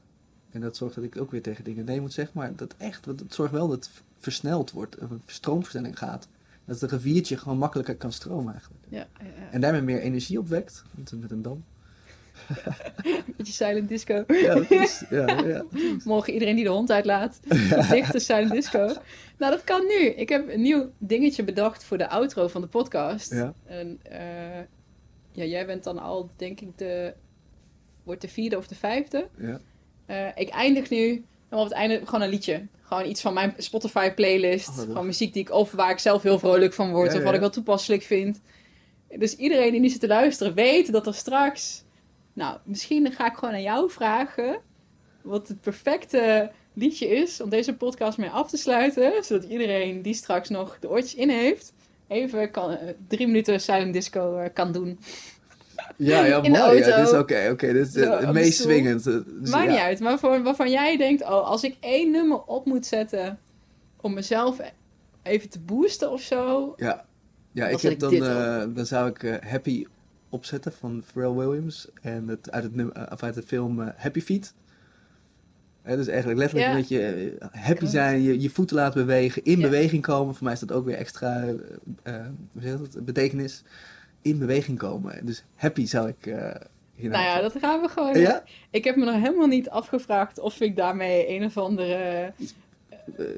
Besch- ja, schend of zo. Ja. dus ik hoop niet dat ik op mijn vingers word getekend teruggefloten. Nou goed, dan kan ik dat er weer uit Precies. afknippen, zeg maar. Ja. Dat is Ehm, een mooie, mooie oefening voor de, alle luisteraars en kijkers. Ja, dus silent disco. Of nadenken. Nou, ik vind het sowieso. Ik heb echt wel een paar nummers. Ik heb een playlistje voor mezelf. Soort van hi- high vibration. Ja, Waarvan ik weet, oké, deze vijf, ongeacht waar ik ben, wat er gebeurt. Dus ik weet dat ik me daar. ja. Ik kan echt iedereen aanraden om een soort van high vibration Ja, eh, playlistje absoluut. voor jezelf aan te maken. Helemaal om de dag mee te beginnen. Heb ik altijd onder de douche zet ik die playlist aan en dan is het lekker wakker worden. Oh, heerlijk, ja. Wat ik heel knap vind aan hoe jij het verwoordt, even vanuit eh, ondernemer, eh, van ondernemer tot Ja, ja. ondernemer. Jij kan echt in één zin zeggen, dit is wat ik doe en dat is waarom dat niet moet. Hè? Dus eh, mensen, nou, ik, ik kan het niet eens herhalen, maar je hebt het net een paar keer gezegd. Jij kan echt in één zin zeggen, oh, dit is waar ik mee kan helpen. Ik denk dat dat hetgene is wat voor mij nu het volgende werk wordt. Zo van, oké, dat zinnetje zien te vinden. Ja. Die me en, en de lading dekt. En me ook onderscheidt. Want er zijn natuurlijk bepaalde woorden die iedereen gebruikt. Ja. Maar je wil ook niet dan heel creatief jezelf Ja, ja, levensarchitect, kunstenaar of zo noemen, weet je wel. Dat is ook, het moet wel... Dat vind ik lastig, want ik weet ook al wat van SEO, weet je wel. Je wil niet een woord gebruiken of een term of een omschrijving waar nooit iemand op zoekt. Ja, precies. Ik heb me helemaal verdiept al ook in... Ik, ik vind Google en het SEO-verhaal fascinerend. Ik zie het echt als één grote stroom aan data. En je bouwt iets online, je blog, je site, je podcast, je LinkedIn-profiel, weet je. je... En daar, daar komt een soort van stroom aan mensen, zijn, gaan daar continu aan voorbij. En wat zijn je hoekjes? Wat voor net gooi je uit? Welke woorden gebruik je? Welke zinnen? Want jij wil de mensen hebben die op Google zoeken. Ja. Hoe vind ik mijn passie? Ja, Dat zijn dingen die mensen echt daadwerkelijk in Google intoetsen. Van Ja. oké, hoe, hoe kom ik van mijn verslaving af? Hoe Ja. word ik dun? Weet je, hoe Ja. word ik rijk? Hoe word ik zelfstandig ondernemer? En ik ben nog aan het zoek naar wat is de het waarvoor mensen gaan googlen. Waarvan ik denk dat ik ze misschien wel ergens mee kan helpen. Dat vind ik heel... Want dan moet ik mezelf weer een soort van toespitsen. Ja, dan moet je je in wel vakje plaatsen wat je je hele leven niet wou doen. Nee, ik wil niet... Maar la- laten we dat, dat ik de uitnodiging, als je dat leuk vindt, dat we daar gewoon even apart voor zitten. Nou ja, echt dat sla ik eventjes, eh, zeker niet ja? Dat lijkt me echt superleuk. gaan we zoeken naar een goede zin. En Ja. ik heb ook nog een hele mooie zinnenmaker die ik in mijn, in mijn, in mijn team heb, die, die Ah, echt met kijk. subtiele zinnen kan komen. Die, Het is eh, belangrijk, hè? Je, je taal. Want ik denk dat jij hetzelfde hebt. Als, ik, als je met mensen praat, dan... En dat vind ik het moeilijke van internet, of van een one-way communication. Je, je kan in een gesprek, je weet al snel, oh, die kant niet, die, die kant wel. Je hebt heel snel in de gaten of jij de juiste persoon bent voor die Ja. ander. Ja, ja, Maar als ik de enige ben die aan het praten is, ik ben eigenlijk meer van het luisteren. Oh, waar zit je mee? Weet je, hoe... Jij ook, denk ik. Je bent een vragen stellen. Je gaat eerst tot het onderzoek uit. Wat Ja. speelt daar allemaal? En Ja. dan, oh ja, kan ik misschien iets voor je doen of Ja, niet? ja. Dan, ik vind het al veel leuker om mensen gewoon naar anderen te sturen. Ja, ja. Maar als je online communiceert, kan je die vragen aan die ander... Nou, misschien Mm. moet ik wel alleen maar vragen stellen. ja. Je Misschien bent moet er ik wel in. niet. Dus eh, Misschien is dat het wel. eh, vraag stellen en Van een doorsturen. website met alleen maar vragen Ja, in plaats van Ja. teksten. ja. Ik weet het niet. Ja, ik vind dat vind ik wel lastig hoor. Ja. Ik denk dat heel veel mensen die een bedrijf willen groeien of eh, een switch willen maken, je moet jezelf ergens wel kunnen nou, verkopen, wil ik niet zeggen, maar kunnen presenteren op een manier die bij je past. En positioneren, dat is denk ik het beste woord. Die jezelf neerzetten. Positioneren, ja. ja. Op, een, op een manier die en voor jou goed voelt en waar jouw doelgroep gelijk begrijpt. Oh ja, die heeft Ja, het over mij. Ja, ja. Dat is denk ik de, kunst. ja. En daar denk ik ook nee in kunnen zeggen. Want dat vind ik heel knap wat jij hebt gedaan. Ja, je bent gewoon achtergekomen, oh, die wil ik niet bedienen en die wel. Ja. Ja, het is, het, is, het is altijd heel verleidelijk. want, Oh, het is weer een podium en oh, dat. Nee joh, maar het is toch echt weer een dag of twee dagen werk voor anderhalf uur presentatie. Dus dat Ja. is hartstikke dure tijd eigenlijk. Zo, zo kijk ik er ook inmiddels naar. Wat is jouw grote volgende nieuwe project? Of wat, wat, wat gloort er op jouw horizon op dit moment? Ja, nou waar ik, waar ik heel erg... Ik, dit jaar ehm, echt mijn eigen seminar echt groot krijgen. Dus duizend man in de zaal proberen te krijgen. Dat is, Jeetje. dat is mijn grote droom. Hè. Dat is de droom van wat ik vroeger had. Nou, ik zit nu op de, de, de 100 eh, die dan naar mijn eigen show komen. Dus dat vind ik al heel cool. Lekker man, dat is Ehm. een best wel een flinke zaal. Ja, dat is inderdaad. En, Ja. en zo probeer ik het elke keer te verdubbelen eigenlijk. Dus volgend jaar zal het dan eh, weer groter worden. Waar ik heel erg in geloof is, is, en dat is mijn volgende project, is een soort passiefabriek. Dus dan komen mensen in, die hebben eigenlijk geen idee wat ze nou eigenlijk willen. En eh, de poort ben ik dan van, oké, we gaan in ieder geval erachter komen wat je echt wil, scherp krijgen. Maar dan dat er een team om hun heen is die kan helpen met verschillende expertises. Dus, oké, je wil een eigen bedrijf, oké, dan hebben we iemand nodig die een business coach is. Oké, je wil eh, so- so- solliciteren, sollicitatie-expert, marketing-expert, finance-expert. Eh, iedereen die op een eigen specifieke gebied zeg maar, die persoon kan helpen, dat je een soort wasstraat heen gaat en, en dan kom je de fabriek uit, compleet zeg maar, zelfstandig kunnen leven vanuit datgene wat je het liefst wil. Want ik heb ook alle kennis en wijsheid niet in pacht. Dat merk ik steeds meer. En er zijn anderen die onwijs goed zijn in een vak. En om dat, die samenwerking zo te creëren, dat je helemaal omringd wordt in een, in een warm bad van experts, zonder dat je bij één iemand terecht hoeft. Heb jij ook in dat... Ik kan wel een beetje met mijn vorige bedrijf, Love Fit Food, met Mike ook dat soort gesprekken gehad. ja, je wordt soort van eh, all-in, eh, of nee, all, all, nee, full service. Ja, ja, ja. Of eh, op de, op, op, specialist, ja, ja. En jij zegt van eigenlijk wil ik een team met specialisten, zodat we een soort van full service Juist. ding kunnen bieden. Juist. Ja, ik, Dat dan, mijn, mijn twijfelende aard denk oké, is dat dan marketingtechnisch of is dat... Willen mensen dat? Ja. Nou ja, ja. Dat is een vraag, hè? Ik ik ben heel benieuwd. Precies. Nou ja, wat ik dus, kijk, uiteindelijk, ze betalen als het goed is voor het eindresultaat. En ik denk dat het eindresultaat stukken groter is op het moment dat je met echte experts omringd wordt, dan iemand die van alles net wat weet. Maar het kan toch zijn dat bijvoorbeeld jij voor mij heel erg resoneert op passie, maar degene die in jouw netwerk voor sollicitatiecoaching, weet je wel, dat dat niet bij mij past en dat ik liever zelf op zoek ga naar een andere specialist op dat vlak. Maar Dat- zo van, het lijkt mij heel lastig Ja. verkopen, want dan moeten die met allemaal, iedereen uit jouw Ja. wasstraat, moet je dan die klik hebben. That's en dan true. wordt je groep wel steeds kleiner. Ja, dus het wordt interessant sowieso om mijn doelgroep helder te hebben. Dat, want de mensen waar ik mee klik, dat is waarschijnlijk ook waar mijn doelgroep mee klikt. Daarom is die doelgroepkeuze Oh ja, denk ik zo belangrijk. En tweede is, als ik nu kijk naar, als ik iemand nodig heb, ben ik echt zeeën van tijd kwijt om de juiste te vinden.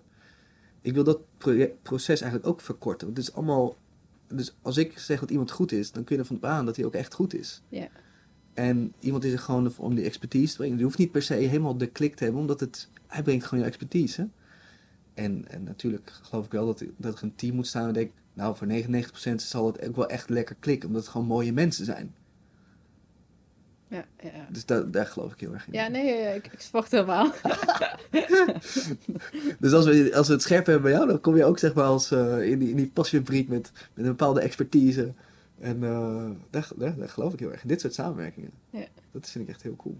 Uh, kaats ik hem terug. En wat is dan mijn expertise? Ja, expertise. Ik weet het echt niet. En ik, vind, ik schaam me er bijna voor om dit on the air te vragen. Ja. Maar ja, volgens mij, we, en wij denk ik, elk kijker, en ik ook als luisteraar hiervoor, echt, nou, wat me opviel is hoe jij groeiprocessen kan aanwakkeren. Op welk thema dan ook. Dus echt een, een learning mindset creëren. Dus ik ben misschien hè, van, van closed naar open, van closed naar learning. Van fixed naar learning is het geloof ik. ja, hè? Fixed naar eh, wat was het? Fix naar growth. Van fixed naar growth, sorry, dat is hem. Dat stukje, dat is volgens mij waar het bij jou over gaat. Dat openingetje creëren. Soms met een humor, soms met een vraag, soms met een, een opmerking, soms met een, een oefening. Maar dat stukje open. Dus, dus waar ik je voor zou inhuren is op het moment dat men, ik merk dat mensen moeite hebben met het stukje ontwikkeling, het stukje persoonlijk je op laten bloeien. Om jou dan zeg maar in te zetten om zeg maar even die, die openingen te creëren. Oh, dan Anders- gaat meteen mijn inner eh, critic eh, terugdenken aan een paar één op één coaches die ik, coaches die ik heb gehad. ja. Oh, maar dat, ja, dat zou er wel echt voor groepen moeten Ik zijn. wou zeggen, niet jij bent één geen op één. coach. Nee, nee. Dat is het laatste waar ik dan aan denk. Nee, ik ook niet. Nou, dan goed. Dat Ja. is mooi. Ja, Nog helderder. Eh, dus, eh, en, en, en om daarna, als ze open zijn, weer door te, te, te, te Ja, naar de specialist op het vlak waar zij da- dan naartoe willen. Want dat, dat heb ik ook wel geleerd. Van, ze hoeven bij mij niet het hele traject te doorlopen. Ja, Mag, maar Ja. dan moeten ze wel heel specifiek Exact. in mijn straatje Exact. passen. En ik doe heel veel dingen best wel extreem. Als Ja. je kijkt naar dus mijn relaties en... eh, eh, want daar hadden we het straks eventjes over. Dus ik, ik doe wel echt heel erg dingen echt out of the box. ja. Dus iedereen, iedereen hoeft daar helemaal in mee te gaan. Nee, maar alleen maar om dat daarna weer terug te kunnen vertalen naar eh, Ja. hoe dat voor mensen... Je hebt alle extreme meegemaakt, dus je kunt heel veel vlakken kun je herkennen. Dus ben je heel erg... Dan kun je heel makkelijk switchen, je kunt heel makkelijk connecten, omdat je alles wel... Je hebt overal in al die groepjes waar je doorheen bent gelaveerd. De growth mindset, ja. Misschien zoveel dan het liggen, niet eens over nagedacht. Ik was een beetje aan het spelen met de woorden bewust leiderschap. En dan niet dat het een Hmm. andere vorm van leiderschap is, maar bewust leiders. Dus bewust leider over je eigen leven zijn. Maar dan zit je heel erg in dat Ja, dan wordt het leef je mooiste leven. Ja, nee, dat je Hoe denk ook. mooi ik dat ook vind. Ja, ja, ja. Maar dit- het is een beetje, je wordt een beetje meer plat gegooid. Ja, Dus je wil ook weer echt- Zo, ja. Je uniekheid eh, laten zien door dus echt wel ja, iets, iets te, te vertellen wat uniek Ja. klinkt. Ja. En dat is de kunst, ja. Leuk man. Ja, Hey, zijn er nog eh, dingen die je graag even in spotlight wil zetten? Of eh, thema's, een onderwerp wat je nog eh, wil bespreken? Ehm, Je denkt, ah shit, had ze dat dan maar gevraagd? Want daar had ik nou heel leuk iets over willen vertellen. nee, ja, ik denk eh, als ik iets uit dit interview, als ik nu een korte recap, dan is het echt de, de, de stel jezelf, hè, neem even bewust dat moment als je merkt, is dit het nou? Dat is het teken dat, dat je iets te doen hebt. En dan de juiste vraag stellen van hey, hoe, welk, welke 5% zou ik nu aan willen draaien? En, ehm, en hoe kan ik iets vinden waarmee het nog beter past, waar, me, waar het hele plaatje past, in plaats van dat nu een paar dingen niet werken. En kan je mensen een bepaalde richting voelt, oh, dit was voor mij echt zo'n tof boek of, of film of podcast, waarvan je denkt, oh, dat, eigenlijk moet dat gewoon voor iedereen in het uh, curriculum staan? Ehm, niet iets wat ik me nu kan. Ja, ik vind, ja, ik vind de, de Seven Habits of Highly Effective People. Dat, ja, dat, is een, ik- eh, dat is- klassiek, dat is een maar ja. nog steeds Ja. eh, heel veel mensen, ik denk soms ook zij training te geven over dingen te vertellen en dan Ja. heb je dat echt nog niet gehoord, weet ja, je wel? en, wat voor mij belangrijk is, is, eh, is begin with the end in mind. En dat is volgens mij een van de, de eerste, geloof ik. dat weet ik niet. Ehm, maar niet, dat is precies wat ik bedoel. Op het moment dat je weet waar je, wat je eindplaatje is, wat, nou, dan weet je ook welke stap je te nemen hebt. En dan wordt het in ieder geval makkelijker. Ik wil niet zeggen dat het eindplaatje nooit verandert, maar elke keer kun je bepalen, wat zou nu mijn eindplaatje zijn? ja, ja. en dan post je het, kun je dat weer bepalen. Dus daarom, ik denk dat dat zeg maar het thema is, misschien hè, als antwoord, wat zou ik nog willen behandelen? Dat, dat, dat stukje. Begin met lopen, maar besef altijd, waar wil je naartoe? Ik heb een hele mooie anekdote wat daar perfect eh, Ja. op aansluit. Ehm, in, in een hele andere hoek, maar dat was voor mij echt een eye-opener van, oh, en zo ziet dat eruit met het einde beginnen. Mhm. Ehm, ik heb een opleiding tot eh, eh, eating psychology coach gedaan. Toen dacht dat ik helemaal Ja. in de vitaliteitshoek Ja, eh, ja. wilde zitten. En ik weet nog dat die docent daar ook kwam. Het ging natuurlijk over afvallen en overeten. En ik heb zelf ook heel veel eetbuien en dat soort dingen gehad. En gewoon heel verslavingsgevoelig en een, een stresssensitief systeem. En die man is ook, als het gaat over afvallen, en je gaat doorvragen, weet je, waarom willen mensen dat? Ja, ik wil, ik wil zelfvertrouwen hebben, ik wil trots zijn, ik wil met mijn kinderen kunnen spelen, weet je wel. Dat soort dingen zitten er vaak onder. Ja. Hij zegt, ja, maar dat zijn allemaal interne dingen die onafhankelijk zijn van hoe je eruit ziet. Tenzij je in een rolstoel of echt, weet je wel, je gezondheid dermate is dat je inderdaad niet kan spelen. Maar je trots en zelfverzekerd eh, eh, voelen, ja. Daar kan je mee beginnen. Daar hoef, je hoeft niet, want dat doen mensen. Hè. Nou, als ik straks ben afgevallen, ja. als ik straks die baan heb, Ja. als ik straks dit heb, dan voel ik me goed en zelfverzekerd en fijn. Ja. Dus we wachten tot dat plaatje er is. En hij zei, nee, je kan dat plaatje nu al mee beginnen. Dat is Ja. identiek wat jij zei. Ja, ja. En ik was dus in 2017, dus toen ik geen huis had, was ik aan het rondreizen door eh, Europa. En ik was op een Italiaans strand. En ik had, was er nog heel erg fanatiek van, oh, ik wil ook naar een bepaald vetpercentage en zo. Was er echt nog wel mee bezig. En ik weet dat op het strand, Italiaans strand. En ik was heel trots op mezelf. En ik was in mijn eentje aan het reizen dat ik in mijn bikini aan tafel durfde zitten. Nou, elke vrouw die luistert, die kan nou mannen denken, waar heeft ze het over? Maar weet je, dat je niks je buik bedekt Ja, of zo. ja, of ja, dat je gaat precies, zitten, dan voel je ja. toch altijd een beetje onzeker. En, eh, oh, nou. Dus ik was helemaal trots op mezelf dat ik daar zat. Maar ik keek omheen en ik echt omringd door echt fantastisch mooie Italiaanse vrouwen. De Ja, ene ja, slanker ja. dan de andere. En ik dacht, oké Jeanette, dit is gewoon een grote stap, whatever, het zal wel. En op een gegeven moment komt daar, en ik voelde me dus eigenlijk dus nog steeds onzeker en nog steeds niet heel erg trots, weet je wel. Zo van, oké, ik heb een stapje gezet, maar... En er komt een meisje over het strand aangelopen en letterlijk iedereen keek. Dat was zo'n verschijning. Ja, Soms heb je dat, hè, dat mensen een soort van energie meenemen en dat iedereen, dat iedereen haar zag. Zo'n attitude, zo'n gracieuze flair en trots en liep naar het strand. En iedereen, wow, weet je wel. Mooie dame. En die had de dikste billen van allemaal op dat strand. Ja, ja. Maar die had zo'n... Ze had een mooi zandloperfiguur hoor. Het was gewoon een jonge meid, maar echt wel stevig. Maar die liep met zoveel trots en zoveel zelfvertrouwen en zoveel bravoure. Ik denk, dat is het. Dat is met het eind... Misschien wil ze ook wel 10 kilo afvallen. Maar dat hoeft helemaal niet, want ze heeft de attitude al. Ze is er al. En dat vond ik zo mooi. Ik denk, ja. Dus toen ging ik ook anders op die stoel zitten. precies. Ja. Maar het mooie is, het, is dan, het, het krijgt een plaatje. Dat het heeft eind- niks met uiterlijk te maken. Dat was helemaal hoe ze, hoe ze zichzelf, letterlijk hoe zij zichzelf droeg. Ja, en je ziet het dan, hoe wat het effect is. En dan denk ik, dat En dan zie je dus- iedereen kijken en al die dunne Italiaanse vrouwen, weet je wel. Je weet wat er voor nodig is om zeg maar zo'n lijf te hebben. Die zag ook kijken, denk ik, ja. En ik weet zeker dat zij meer geniet. nou, dat is een aanname, maar kan me voorstellen dat je meer geniet Mm, dan iemand die zichzelf eh, uithongert. ja. Begin with the end in mind. Ja. ja. En niet wachten tot Ja. er een aantal randvoorwaarden zijn voldaan. Ja. Mooi. Ja, vind ik, eh, ik. En ik hoop echt dat iedereen dat gaat doen. Ja. Wat jij met je duizend man. Ja. Heb je een event op de agenda staan die we kunnen promoten? ja, die is alleen volgende week zaterdag, de 23 november. Dus ik, ik denk Oh, dat deze er iets, al, eh, dat eh, die al, als deze uitkomt, dat die al geweest is. Ja. Eh, de volgende zal ehm 27 juni zijn. Oh, volgend jaar zomer. Volgend jaar zomer, ja. Dan eh, gaan we nog meer uitpakken. En wat ga je doen? Nou, voor mij is het belangrijk dat het heet de Purpose Power Sessie. sessie. Dat het echt gaat over, wat is dan die purpose bij jou? Dat is eigenlijk de, de start. En dus die hele dag staat een teken van de, die ene zin formuleren. Nou, dan moet ik gewoon naar jouw Ja. event eh, komen bij deze. ja, dus, eh, dus dat. Tof. Ja. Ehm, dankjewel You're welcome. voor alle hulp. Ja, you're welcome. En nu komt een nummer waar mensen gaan dansen, hè? Ja, dan komt ik. Eerst hoor je mij nog even snel. Ja. Dankjewel voor het luisteren. Dat soort dingen zeggen. Nou, dan doe ik dat gewoon even nu. Dankjewel voor het Ja. luisteren. Abonneer, dan krijg je, oh shit, on the spot. Nee, ik vind het super tof als mensen zich abonneren op het YouTube-kanaal. Dat is goed. Eh, deel, als je het tof vond, een screenshotje van tag jou erin, tag mij erin. Het is altijd fijn om te weten wat, wat mensen ervan vonden Ja. en eh, wie, er, eh, wie er luistert. Ik probeer het altijd ook te reposten als ik het zie. Even een shout-out te doen. Niet vergeten. En dan gaan we dus nu naar eh, Happy Luisteren.